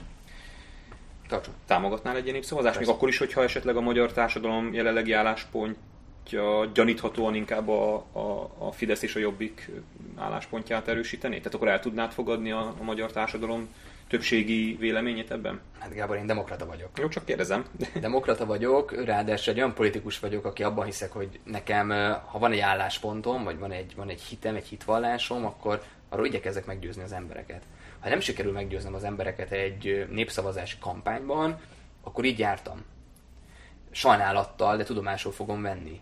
Aztán ki tudja, 5 év múlva, 10 év múlva, ugye változik, a világ nagyon változik, a, a fiatalabb generációk sokkal toleránsabbak, nyitottabbak a más véleményen lévőkkel, a másképp érzőkkel kapcsolatban, mint a idősebb, konzervatívabb szavazók. Úgyhogy a világ változik, és bennem van türelem, és tisztelet az idő, meg az idő múlással szemben. Oké. Okay. Itt ugye miniszteri kérdés nem tudok föltenni, mert nem miniszteri kompetencia, ezért egy sokkal szélesebb kérdés, amíg igazságügyminisztert esetleg meg lehetne kérdezni, vagy ha van kedved, akkor nyugodtan mondjál. Az Ákos már itt említettem, igen, mint igen. egy kulcsfontosságú szereplőt ebben a kérdésben. Viszont a kérdés az itt is legitim, hogy volt-e olyan intézkedés, alkotmányosság és demokrácia kérdésében, elnézést, hogy elmosolyodtam én is, de föl kell tegyem, ami, ami, ami, ami, ami tetszett neked itt az elmúlt 11 évben. Nagyon keresel. Próbálok keresni, igen, igen, mert igen. Hogy, így, hogy adjuk meg a módját ennek a beszélgetésnek. Jogállamisági tér. Nem kínos ez a csend, mert én is keresem, tehát hogy hát tudok segíteni. Legyen erre nem a válasz. Nem, oké. Okay. Hát akkor egy osztályzás, egytől tízig. Legyen erre nulla a válasz. Jó, rendben. Oké, okay, külpolitika, az utolsó úgymond központi témánk, aztán már jön a nagyon várt saját téma. Hú, külpolitika. Kezdjük az EU-val. Egyesült Európai Államok vagy Nemzetek Európája? Tudom, hogy egy picit sarkosan teszem fel ezt a kérdést.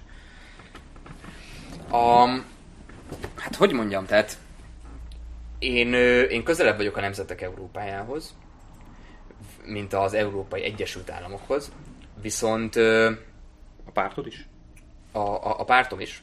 De ugye a közelebb vagyok, az azt jelenti, hogy hogy mi az integrációban hiszünk, hogy mi a, az, együttműk, az európai együttműködésben hiszünk. És szerintem az a bölcs Európa politika, és az a bölcs nemzeti politika egyébként, hogyha megnézzük azokat a területeket, ahol, ahol érdemesebb, szorosabbra fogni az együttműködést és a szövetséget az Európai Unióban. E, és akkor mondok néhány példát, ahol szerintem, kérni, akkor szerintem érdemes, mert biztonságpolitikában had, hadügyekben, honvédelemben szerintem érdemes. Minek fejleszt külön Magyarország, külön Hollandia, vagy mondjuk Franciaország haderőt? Miért veszünk mi is tankokat, helikoptereket, repülőket, meg a franciák is, meg mondjuk a spanyolok is? Miért nem integráljuk egy közös európai haderőbe a meglévő kapacitásokat, és szabadítjuk fel úgymond a magyar költségvetést és fordítjuk inkább a magyar 21. századi oktatás vagy a gazdaság fejlesztésére azokat a pénzeket. Talán nem azért, Tehát mert, a... bocsáss meg, hogy szabba vágok, mert hogy az Európai Uniónak a geopolitikai ö, szándékai nagyon szerteágazóak, és nincs, nincs ebben még egy konszenzus, hogy mi is az Európai Unió külpolitikai stratégiája? Szerintem kell, hogy legyen ilyen konszenzus. Szerintem... Tehát az egy európai külpolt, közös külpolitikai... Szerintem közös külpolitikára szükség uh-huh. van és a haderőfejleszt, tehát a hadsereg és a haderőfejlesztés az szerintem elengedhetetlen, hogy közös legyen. Egyszer, és egyszer az is lesz. Tehát ebben szerintem biztosak lehetünk. Az energiapolitikában szerintem ugyanúgy fontos. A, az energia uniónak a létrehozása. És ez azért van így, mert ugye Oroszországtól nagy mértékben függ az európai kontinens, az orosz földgáz meg kőolajtól. Szerintem ez nincs így jól. Nekünk azt kell keresni európaiaként energiapolitikában, hogy hogyan állunk sok lábon, ami az energiabiztonságot illeti. Ilyen szempontból nyilván a megújulóknak a fejlesztése és támogatása az már most is bekerült a helyreállítási alap uh, céljai közé, és ez nagyon jó. Uh, Európának Ursula von der Leyennel, aki egyébként meghallotta a fiatal választóknak a hangját, Greta Thunberg és mozgalmának a hangját, most már egyre inkább ugye zöldebb, egy Green New Deal-ről beszélő is Európában.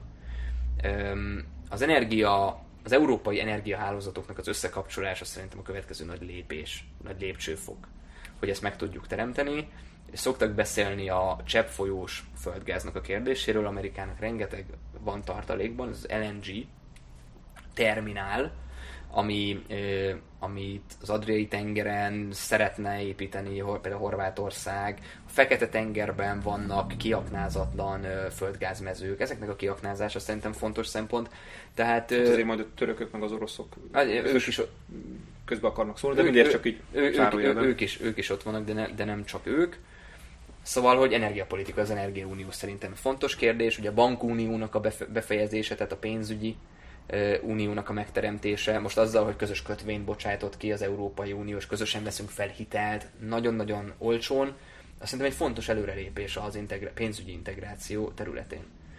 Na de, oké, tehát ezekben kell az integráció, viszont oktatáspolitikában nem kell az integráció. Mert az nem, nem is a magyar, beszéltünk, nem is a magyar kormánynak, hanem a helyi iskolának, tantestületnek kell eldönteni az, hogy pontosan mit szeretne tanítani az ott lévő gyerekeknek helyi specifikációk, helyi sajátosságok szerint.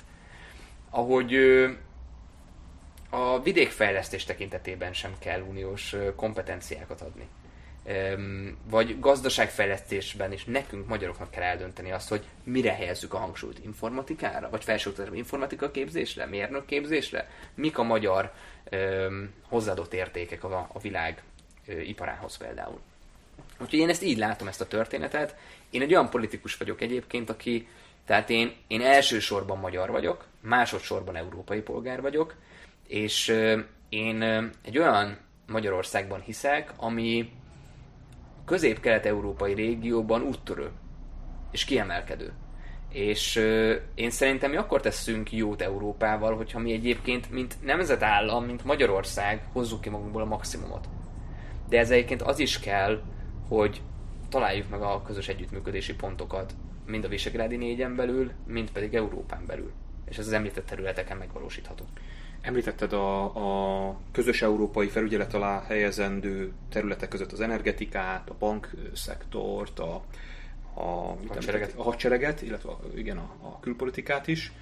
E, olyan területeket esetleg el tudsz képzelni, ami egyébként a magyar politikában több helyről szóba került, mint annak idején a Jobbiknak a béruniós elképzelése, a DK-nak az európai minimálbér elképzelése, vagy most Újhelyi István a szocialista párt részéről ugye európai egészségügyi rendszerről beszélt, amik, amik amiket te mondtál, azok nem biztos, hogy átélhetőek a mindennapi ember számára, mint egy egységes európai ö, politika. Tehát az nagyon távol van talán egy, egy, egy egyszerű állampolgártól, hogy most közös külpolitikánk van, közös energetika, energi, energiapolitikánk, de a közös Ezért mondtam, hogy közelebb szociál... vagyok a nemzetek Európájához ebből a szempontból. Ezeket a kérdéseket akkor te nem tennéd európai felügyelet alá? Vagy, vagy egy európai egészségügyi, vagy európai szociális politika szerinted működőképes lett, vagy inkább ezt hagynád a nemzetpolitika, vagy a nemzeti hatáskör szintjén? Én szerintem ezek messzebb vannak. Tehát az, hogy ha 2030-ban majd beszélgetünk egymással, akkor lehet, hogy azt fogom neked mondani, hogy itt van a küszöbön, hogy legyen egy közös európai minimálbér szabályozás, vagy társasági adószabályozás. Egyébként társasági adószabályozást azt most globálisan szeretnének a, a világvezető hatalmai bevezetni. Öm, Orbán Viktor legnagyobb bosszúságára egyébként, aki adóparadicsomi állapotokat tart fenn itt Magyarországon. Um, szerintem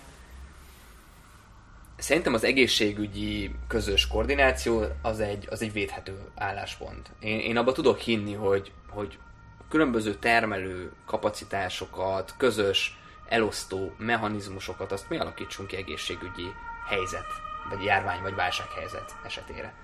Én ebbe tudok hinni. Szerintem ez, ez egy adekvát lépés lenne, és válasz lenne a járvány után ennél mélyebb, szorosabb, mondjuk adópolitikai kérdésekben én még nem látom elérkezettnek az időt. Értem. Menjünk kicsit távolabb az Európai Uniótól. Nehezebb az Európai Unió se könnyű topik, de még nehezebb topikokra. Az egyik Oroszország, a másik pedig Kína. Ugye ez, ezek ilyen sarkalatos külpolitikai kérdéseké váltak. Jó, majd meglátjuk illetve hát ellenzékből talán könnyebb, mint kormányon, és pont erre akarok én rákérdezni, hogy, hogy mert ugye itt most arról beszélünk, hogy kormányra kerültetek, és mit fogtok csinálni. Hogy, hogy képzeljünk el egy Fekete Győr András Putyin találkozót? Ez, mik lesznek a napi rendi pontok? Az biztosan sokára fog, nem ez fog, lesz az arra, első utad? fog arra sort kerülni, igen, mert nem ez lesz az első utam. Tehát Egyébként a... hová fog vezetni? Ez van, van erre már elképzelésed? Hogy ez mindig ilyen szimbolikus dolog szokott lenni, hogy melyik országba utazik valaki. Először ugye általában magyaroknál Ausztria vagy Lengyelország szokott igen. gyakori lenni. Igen, igen, igen. Ez még így nincs, uh-huh. nincs kitalálva, az biztos, hogy nyugat. Az biztos, hogy Magyarországnak a következő tíz évben az lesz a feladata, hogy a nyugati szövetségesi rendszert... Nyugati nyitás. A nyugati nyitást, visszanyitást, igen, újranyitást, azt, azt erősítse, hogy azokat a megbomlott, szétesett partneri kapcsolatokat, amik nekünk fennálltak egyébként, mondjuk az amerikai Egyesült Államokkal, a környező országokkal, azokat mi újjáépítsük. És, és ez irányú lesz az én diplomáciai mozgásom is, vagy annak a külügynek a diplomáciai mozgása, ami az én kormányom alatt fog működni. Én személyesen, én, én nekem, né, nekem német volt az első nyelvem, és én, én éltem Németországban, dolgoztam Németországban, tehát a német gondolkodás, politikai kultúra az nagyon közel áll hozzám. Ugye Németország, meg Ausztria is Magyarország szempontjából kulcsfontosságú szereplők. Most nagyon gonosz kérdés kell feltenem, hogyha a német gondolkodás nagyon közel áll hozzád, akkor a kül, külügyminiszteredet úgy képzeljük el, hogy dörgedelmes kiáltványokat fog írni Oroszország és Kína a demokratikus elhajlásról, aztán pedig bizniszel majd a két országgal, mert a Németországról azért, meg ugye Európa nagyhatalmairól azért ez elég általánosan megjelenik. Tehát, hogy meddig fog tartani mondjuk az a fajta orosz vagy Kína, Kínával kapcsolatos ellenérzés, akár Magyarország gazdasági érdekei ellenére is, mert tehát, hogy Magyarország... Tehát, hogy me, hol értékalapú vagy érdekalapú szerinted a külpolitika ezek ebbe az irányba legfőképpen? Szerintem összehangolható ez a kettő. A magyar kormány az teljes mértékben érdekalapú politikát folytat Kínával és Oroszországgal. Szerintem ez nincs így rendjén. Szerintem nincs az rendjén. Hogyha én vagyok a miniszterelnök és a Visegrádi négyek minden országa Magyarországot leszámítva kitilt az országából ö, ö, orosz diplomatákat, a robbantás, a csehországi robbantásokat követően, én az a miniszterelnök lennék Magyarországon, aki ugyanúgy szolidaritásból kitiltok kémkedéssel vádolható orosz diplomatákat Magyarország területéről. Én az a miniszterelnök lennék, aki a Nemzetközi Beruházási Bankot, ami egy orosz kémbankként van számon tartva, azt, azt párosában rúgja ki Magyarország területéről, mert semmilyen hasznunk nem származik ennek a banknak a magyarországi ide településéből. Ellenben az Európai Uniónak és Magyarországnak kára származik abból, hogy emiatt a magyar titkosszolgálatok, a magyar szervek viszonya és kapcsolata romlik a nyugati szövetségeseinkkel, mert ez így van.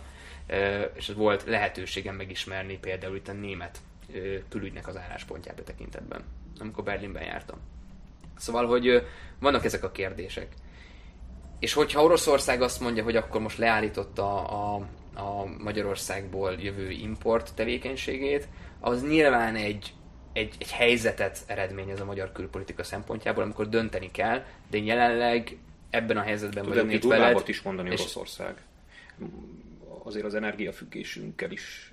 Tehát, hogy mi van akkor, hogyha mondjuk a te érték alapú, vagy az érték alapúságot is megjelenítő külpolitikádra mondjuk az energiaáraknak a növekedése a válasz nyilván orosz ráhatásra megmagyarázod, de a péntek reggeli rádióinterjúban a magyar társadalomnak, hogy egyszerűen a kormány érték alapú politikájának van anyagi ára, vagy megpróbálod egyéb forrásokból azt pótolni? Tehát hogy, tehát, hogy ezt is bevállalnád? Lehet, lehet anyagi ára. Ugye olyan dolgokról beszélünk, ami még nem következett be, és ezzel Persze. együtt ezek jogos felvetések. Um, és ugye én nem azt mondtam, hogy csak és kizárólag érték alapú külpolitikát kell folytatni, mert mert semmelyik ország nem folytat csak és kizárólag érték alapú politikát a világon, külpolitikát. Érdeknek is ott kell lennie, mint Oroszországgal, mint Kínával, de az Orbán kormány túltolta a biciklit, ezt a biciklit ezt vissza kell tolni oda, ahol annak lennie kell, és ennek részei a Budapest-Belgrád vasútvonalnak a felszámolása, pusztán azért, mert nem magyar érdek, hogy megépüljön a Budapest-Belgrád vasútvonal 750 milliárd forintból 2400 év múlva bekövetkező megtérüléssel. Nem magyar érdek. Ez magyar érdek ellentét, ami itt fennáll, és ezt meg kell szüntetni. Hogy a Fudan Egyetem sem magyar érdek, mert a magyar diákoknak az az érdeke, hogy ezt, a, ezt az 540 milliárd forintot, ezt mondjuk a, az egyetemi oktatók fizetésének a fejlesztésére fordítsuk, amik, amely fizetések jelenleg a német minimálbér alatt vannak. És ezt szerintem így jól lehet ízlelgetni ezt a ezt a mondatot. Nekünk ez az érdekünk, nem a Fudan Egyetem. És ha én magyar kormányfő vagyok, nem gondolkodás nélkül ezeket a projekteket felmondom. Amit említettél, a gázszállítás és egyéb dolgok, ott elbírok képzelni olyan helyzeteket, amikor, amikor ö, lavírozni kell az érdek és az értékek között. Ott elbírok képzelni egy ilyet.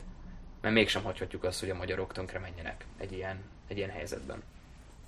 De, hogy mondjam, én, én hiszek a szofisztikált politikában, és hiszek abban, hogy ö, nem minden fekete-fehér. És ez szerint fogok eljárni miniszterelnökként is. Nyugat felé is képviselni kívánod a kritikai, vagy az értékalapú külpolitikát? Itt értem azt, hogy ha adott esetben mondjuk az Egyesült Államok, vagy Nagy-Britannia, vagy akár Franciaország, vagy maga az Európai Unió, azért voltak itt az elmúlt 20-30-40 évben olyan, főképpen háborús ö, tragédiák, amik, amikben azért volt vastagon nyugat, a nyugatnak felelősség, vagy legalábbis én így gondolom azt is szükségesnek tartod, hogy mondjuk az adott szövetségi rendszerünkön belül, tehát a NATO, vagy az Európai Unión belül is Magyarországnak legyen egy ilyen érték én már én képviseltem már ilyet ellenzéki vezető politikusként is az amerikai nagykövetséggel szemben, amikor, és azt mondtam nekik, hogy az ő felelősségük is az, hogy a CEU elhagyta Magyarországot, mert az amerikai adminisztráció, az amerikai kormány nem állt be egyébként a saját nemzeti felsőoktatási intézménye mögé, akkor is, hogyha ez egy magánegyetem egyébként. És, és én, én elég keményen bíráltam ott az amerikai politikát, és a megalkulást az Orbán kormányjal szemben. Ezt a példát tudom most neked itt elmondani. Nekem van kritikám a nyugati világgal szemben, az amerikai Egyesült Államokkal szemben is természetesen. Ezeket a kritikákat, ezeket én el fogom mondani. Ezzel együtt a magyar érdekek, mint gazdasági, kulturális, társadalmi érdekek minket nyugatra láncolnak több mint ezer éve. És ezt én miniszterelnökként, aki tisztelem a magyar hagyományokat, nem vagyok hajlandó megszakítani. Orbán Viktor ezt megszakította. De ezért majd a történelem meg is fogja büntetni. Lesz a kerítés? Kerítés az addig lesz, ameddig arra szükség van. Ameddig van... Szükség van rá? Szükség lehet rá. Most szükség van rá?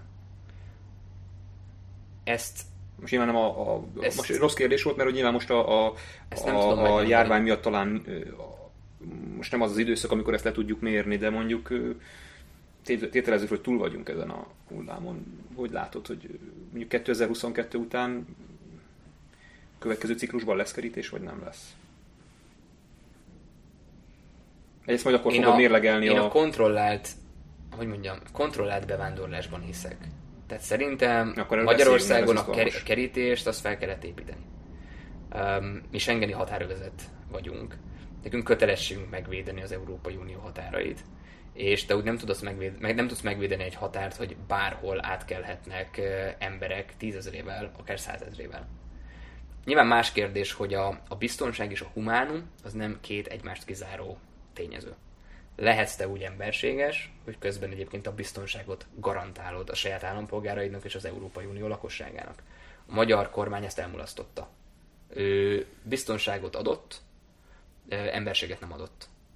És, és szerintem ez a, ez a nagy különbség szerintem a Momentum és a Fidesz között, határvédelem kérdésében, vagy bevándorlás politikában. Te említetted a bevándorlás milyen jelzővel? Ne haragudj, csak hogy pontosan akarlak idézni, hogy te a melyik bevándorlásnak, vagy a... Az ellenőrzött, kontrollált. Ellenőrzött, kontrollált, igen, ezt a szót keresem, csak igen. nem jutott eszembe. Ez mit jelent pontosan, hogy mi alapján kontrollálod, vagy, vagy válogattunk mi menekült, bevándorló? Ez a határőrizetre vonatkozott. Ez nem a hogy mondjam, ez ilyen fizikai kontrollálással, nem, nem, nem pedig Értem. személyi alapú Értem. kontrollálással. Azt egyébként elképzelhetőnek tartod? Mert erre is van nyugati példa, amennyire én, ha jól tudom, talán Ausztrália is ebben élen jár, hogy a bevándorlást mondjuk engedi bizonyos Válogat. iskolai Válogat.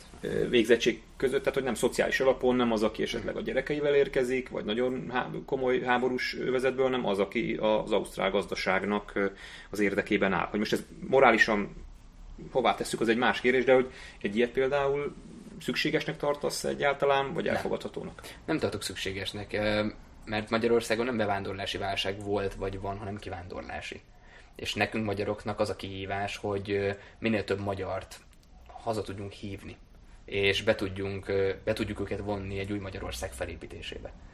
És, és ehhez nekünk nincs szükségünk szerintem, szerintem bevándorlókra. De le, vannak olyan országok, amiknek meg szüksége van. Németeknek szüksége van körülbelül 700 ezer kétkezi munkásra. Ez Németország. Magyarországon nekünk a magyarokra van szükségünk, akik elmentek. Hazahívhatónak, vagy hazacsábíthatónak érzed ezt a közösséget? Nem mindenkit, de egy számottevő részét igen. Uh-huh. A hugomat szerintem nem tudjuk már hazacsábítani. A hugomnak van egy francia barátja, és ők Londonban élnek együtt. Én nem hiszem, hogy ők hazaköltöznének, de ki tudja. Ki tudja. Az a miniszterelnök kéri. Az is, az is lehet, hogy a, a, a Paul így hívják a francia barátját, találj munkát, mert azért vannak itt nemzetközi cégek, tehát ilyenből is azért látok sokat. De, de nem mindenkit lehet, de, de sokat sokakat haza lehet szerintem csábítani. Nem szerintem, ezt tudom. Járok sokat külföldön, magyar közösségekben, hallom, mondják. Igazából nem külpolitika, de még ezt ide mindenképpen be kell, hogy szúrja, mert ugye ez ügyben neked azért voltak érdekes, meg nagy vitát kavaró mozgásaid a határon túli magyarok kérdését, hogy az ő szavazati jogukhoz hogy áll a Momentum. Garantálni kell nekik a szavazati jogot. Ugyanebben a formában, ahogy most, vagy ezt ők, átalakítanátok? Nekünk honfitársaink, és, és azzal együtt honfitársaink, hogy akik szavaznak külföldön, mármint határon túl, ők, ők Fideszre szavaznak nagy részt. Ezt tiszteletben kell tartani. Én a határon túli magyar fiatalokkal tartok szorosabb kapcsolatot. Ők szoktak meghívni magukhoz, és ott nekem az a tapasztalásom, hogy ők, ők nem Fidesz szavazók és az is a tapasztalásom egyébként, hogy ők már nem Magyarországban gondolkodnak, mint úti cél, hanem már Németországban gondolkodnak, Hollandiában, Dániában gondolkodnak, mint úti cél. Vagy éppen inkább Kolozsváron maradnak, mert azt egy fejlettebb, vállalkozás szempontjából fejlettebb és jobb helynek tartják, mint mondjuk Budapestet. Szerintem ez egy szegénységi bizonyítvány Magyarországnak, hogy a határon túli magyar honfitársaink nem választanak már minket. Minden esetre igen, a szavazati jogokat természetesen fenntartanánk, sőt, minél törekednénk arra, hogy minél többen be tudjanak vonódni és felvegyék a magyar állampolgárságot, a fiatalabbak között is. A szlovák kormányjal törekedni kell arra, hogy törölje el azt az alkotmányos tiltást, mi szerint nem lehet kettős állampolgár egy felvidéki magyar. Szerintünk ez bal, baj. És a határon túli magyar ügyeket pedig egy tárca nélküli miniszternek kell koordinálni a különböző tárcák között. Mert sok pénzt fordítunk a határon túli magyar közösségekre, és ezt jól tesszük. De azoknak a, azon pénzek elköltése feletti örködést, azt már nem végzi el senki. És az átláthatóság szerintem fontos a 21. században. És átláthatatlanság van mindenhol. Külügyminiszter személye. Majd a végére értünk ennek a topiknak is, vagy legalábbis mennünk kell tovább, mert az időnk már jó ideje lejárt. Van külügyminiszter jelölt, akit akit itt megneveznél, vagy, vagy olyan személyek, akiket el tudsz mondani?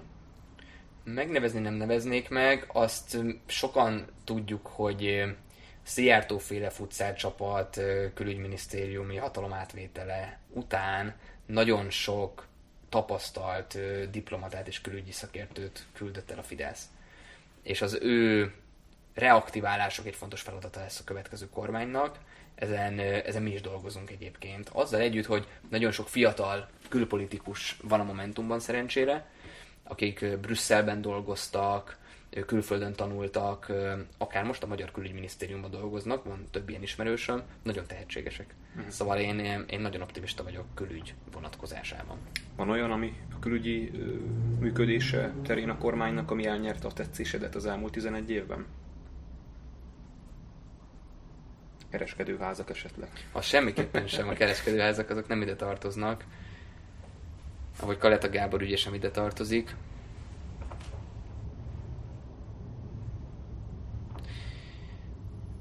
Előbb, előbb valami, valami az eszembe jutott, de aztán elfelejtettem. Nem baj, mert megírod, és akkor kiírjuk esetleg igen. szalagcímben. Igen, igen. Volt azért. Elfelejtettem, jó? elfelejtettem. Hát de akkor az ilyen sok minden nem jut Nem volt sok minden. Egy osztályozás akkor a végére. Kettes. Kettes. Értem. Na hát akkor térjünk rá arra a témára, amit már nagyon eh, felvezettem itt az elején, vagy, vagy nagyon titokzatosan beharangoztam. Ugye számítottam arra, hogy környezetvédelem, vagy nem tudom, vagy szociálpolitika, vagy nyugdíjrendszer, vagy bármitől sok bármire, bármi számítottam arra, amit javasoltál arra nem, mert ugye ez az volt, hogy foci. Nyugdíjrendszer előbb számítasz tőlem, mint focira.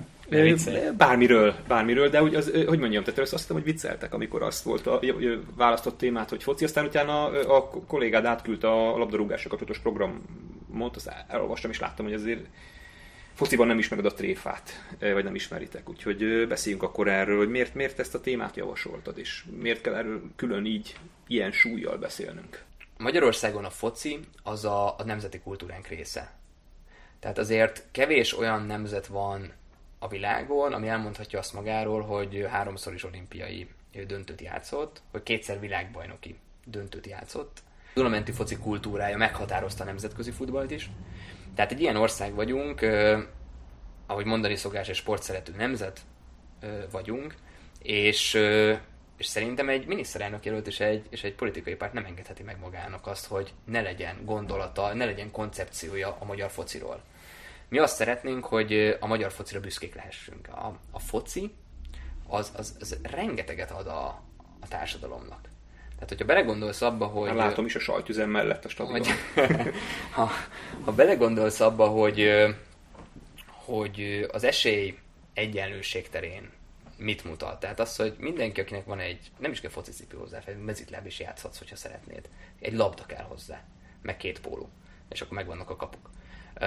Mindenkinek megadja a foci az esélyt arra, hogy felemelkedjen, hogy megmutassa azt, hogy van tehetsége. Ha ezt szorgalommal párosítja, és leteszi a teljesítményt az asztalra, akkor, akkor lehet belőle Ronaldo, lehet belőle Messi. És a foci az, az ezt, a, ezt a reményt adja meg minden embernek a világon, így a magyaroknak is. Tehát a, a felzárkóztatásban, a toleranciában ö, elképesztően sokat ad a foci ö, az embereknek, a közösségszervezésben. Az, hogy mondjuk falun a szombati meccsek, azok a közösségteremtő lehetőségek, ahol összejönnek az emberek és drukkolnak a, a helyi FC-nek, vagy a helyi SC-nek. Az szerintem, szerintem nagyon fontos. Nekem fáj azt látnom, hogy Magyarországon a foci az egyrészt összefonódott a fidesz és Orbán Viktorral, és emiatt mindenki, aki ellenzék, nem mer erről beszélni, vagy nem mer örülni a válogatott sikerének. Én kint voltam az EB-n Franciaországban 16-ban, tehát elmondhatatlan volt. Elmondhatatlan volt, és, és én, én talán az elmúlt tíz évben akkor éreztem azt, talán először is utoljára, hogy nincs olyan, hogy Fideszes meg Momentumos, amikor, amikor fociról van szó, hanem együtt tudtunk örjöngeni a Geragóján, amikor bevágta a portugálok ellen. Szóval, hogy, hogy, hogy rengeteget, rengeteget tud segíteni a foci, és tehát szerintük a foci az közcélt szolgál, olyan értékeket közvetít, ami fontos egy, egy, egy nyugati mentalitású társadalom szempontjából, és a közcélt szolgál, akkor szerintünk közpénzt is kell rá áldozni. És ez egy fontos mondás. Tehát nem szabad elzárni a pénzcsapot, pénzcsapokat a fociból. És itt rögtön ugye felmerül... Fölhorkannak. Igen, horkannak a TAO. A TAO stadionok TAO. Stadionok TAO.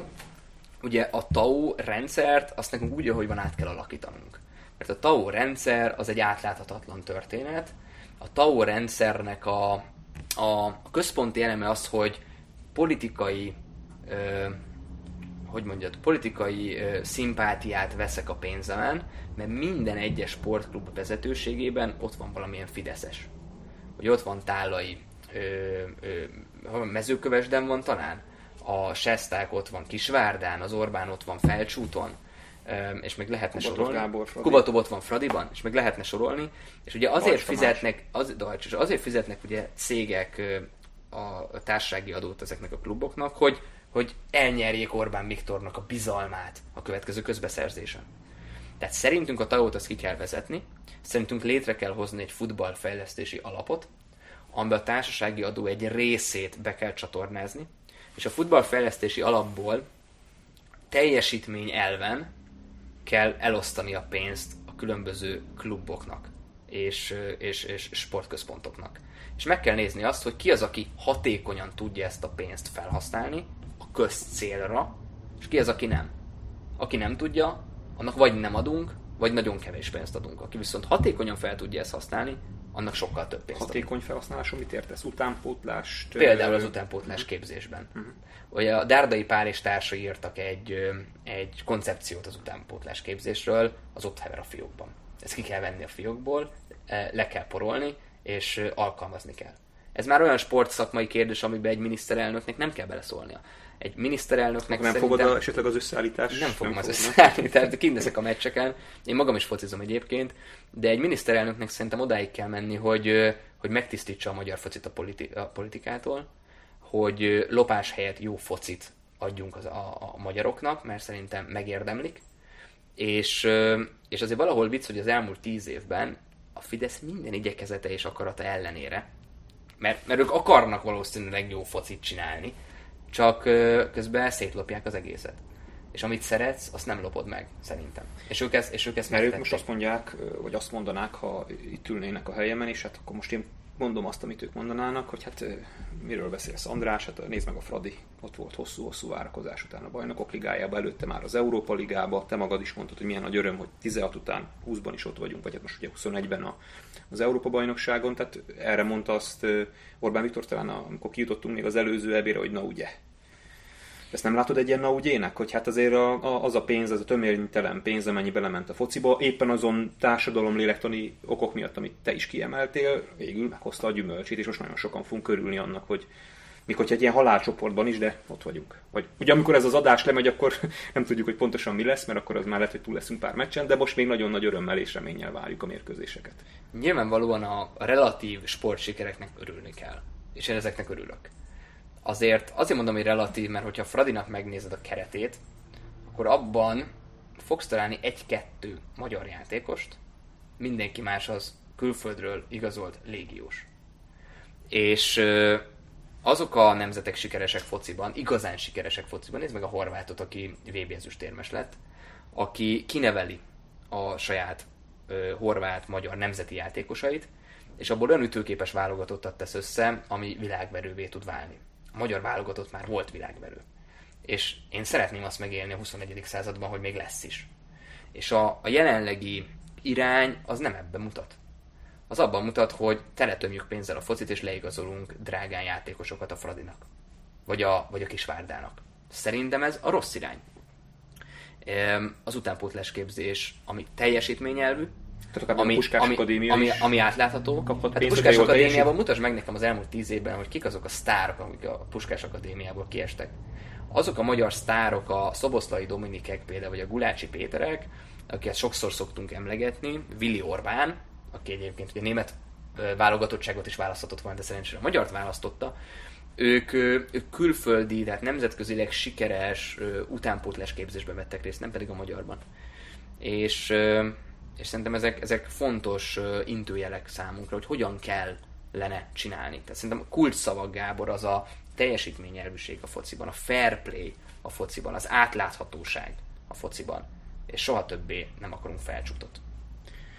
Oké, okay. uh, fair play nem tudom nem megkérdezni. Most ugye megint már az Európa Bajnokság javában zajlik, mikor ez az adás lemegy, de most még előtte vagyunk egy nappal, és nem tudjuk, hogy ott mi fog pontosan történni, de itt az ír meccsen azért volt egy olyan pillanat, ami föl, amire sokan Igen. fölkapták a fejüket, vagy reagáltak rá, és ez is valahol a foci része, bár nem a fociról szól, alapvetően ez a letérdelés kérdése. Igen. Szerinted jól tette az MLS, hogy, hogy azt a utasítást adta, vagy azt a döntést hozta, hogy a magyar válogatott nem fog letérdelni? A magyar válogatott szerintem hozhat egy döntést ebben a kérdésben, és, és azt nekünk tiszteletben kell tartani. És én úgy tudom, hogy ezt az MLS, ezt a döntést a magyar válogatottak közösen hozta meg. Én nem örülnék neki, hogyha ez nem így lenne, és az MLS utasította volna őket, hogy ne vegyenek részt ebben a kirekesztés elleni kampányban, meg rasszizmus elleni kampányban, de úgy tudom, hogy ebben részt vett a válogatott is, és és én el tudom azt fogadni azt az érvet, mert, mert van egy rakás kulturális dimenzió ennek, hogy, hogy ugye Amerikában, ugye amerikai fociból Kaepernick által terjedt el ez a gesztus. Van, amelyik nemzeti csapat ezt használja, van, amelyik nem használja. Kifütyülni azért az íreket, mert hogy ők letérdeltek, az szerintem ostobaság.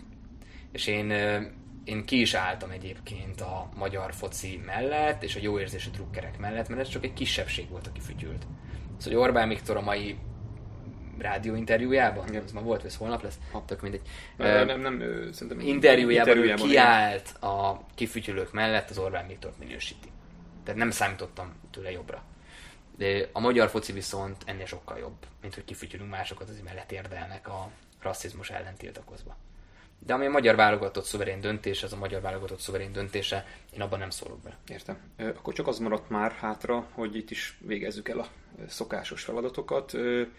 Volt-e olyan, nem bocsánat, kezdjük azzal, hogy van-e sport, lesz-e sportminisztérium, vagy sportminiszter, vagy van-e ilyen, kicsit a focin túlnő, de hogy ide tartozik talán, vagy esetleg MLS elnök, hmm. aki a fejedben van. A, az MLS egyébként nem végez olyan nagyon rossz munkát, szóval, hogy ők próbálják tisztességgel végezni a dolgokat, csak ott van felettük a politika és a Fidesz, ami ezt sokszor akadályozza. A, hogy legyenek külön sportminiszter, az egy, az egy jó kérdés, ebben még nincs döntés. Uh-huh. Okay. Az biztos, hogy sport, illetve futballpolitika kell, hogy legyen. Ugye mi is azért tettük le ezt az asztalra, ha jól tudom, egyedüliként egyébként az ellenzék közül. Úgyhogy mi azért fogunk dolgozni, hogy ebből valóság legyen. És olimpiát fogunk valaha rendezni? Legszebb történet lenne, nem, hogyha mi lennénk kormányon, amikor, amikor megnyerjük a pályázatot, mondjuk 2050-ben, amikor Magyarországon már rég egy finn típusú iskola rendszer van, amikor Magyarország már rég a közép-kelet-európai régió vezető ereje, és akkor azt mondjuk, hogy gyerekek, csináljuk meg. Legyen, legyen róla népszavazás akkor majd? Hát, de vicce. Oké. Okay. osztályozzunk akkor. Illetve bocsánat, nem, még először az a kérdés még megmaradt, mielőtt osztályozunk, és akkor azzal a végére értünk, hogy hát van-e olyan foci intézkedés, vagy focival kapcsolatos döntés, ami tetszett neked az elmúlt 11 évben? A, az MLS-nek van egy programja, ami, ami a tömegsportot támogatandó sportpályákat fejleszt, és lehet pályázni különböző településeknek, és szerintem ez egy nagyon jó irány, hogy hogy így alacsonyabb szinteken minél több fiatalt bevonzunk a, a foci vonzás körzetébe. Szerintem ez jó irány, úgyhogy ezt tudom kiemelni. Amilyen osztályzatot adnék az egész magyar focira, az pedig egy négyes. Négyes. Jó, hát szerintem a végére értünk ennek a beszélgetésnek. Nagyon sok mindenről beszéltünk. Nagyon szépen köszönöm, hogy Én köszönöm. ezt az időt itt a kampány közepén rászántad erre a beszélgetésre. Kívánok sok sikert a hátralévő időszakban neked. Nektek pedig köszönöm szépen a figyelmet, remélem, hogy tetszett ez a mai beszélgetés is. Szerintem nagyon informatív volt, és várunk benneteket a következő beszélgetésre is. Köszönjük a helyszínt a Kraken Townnak.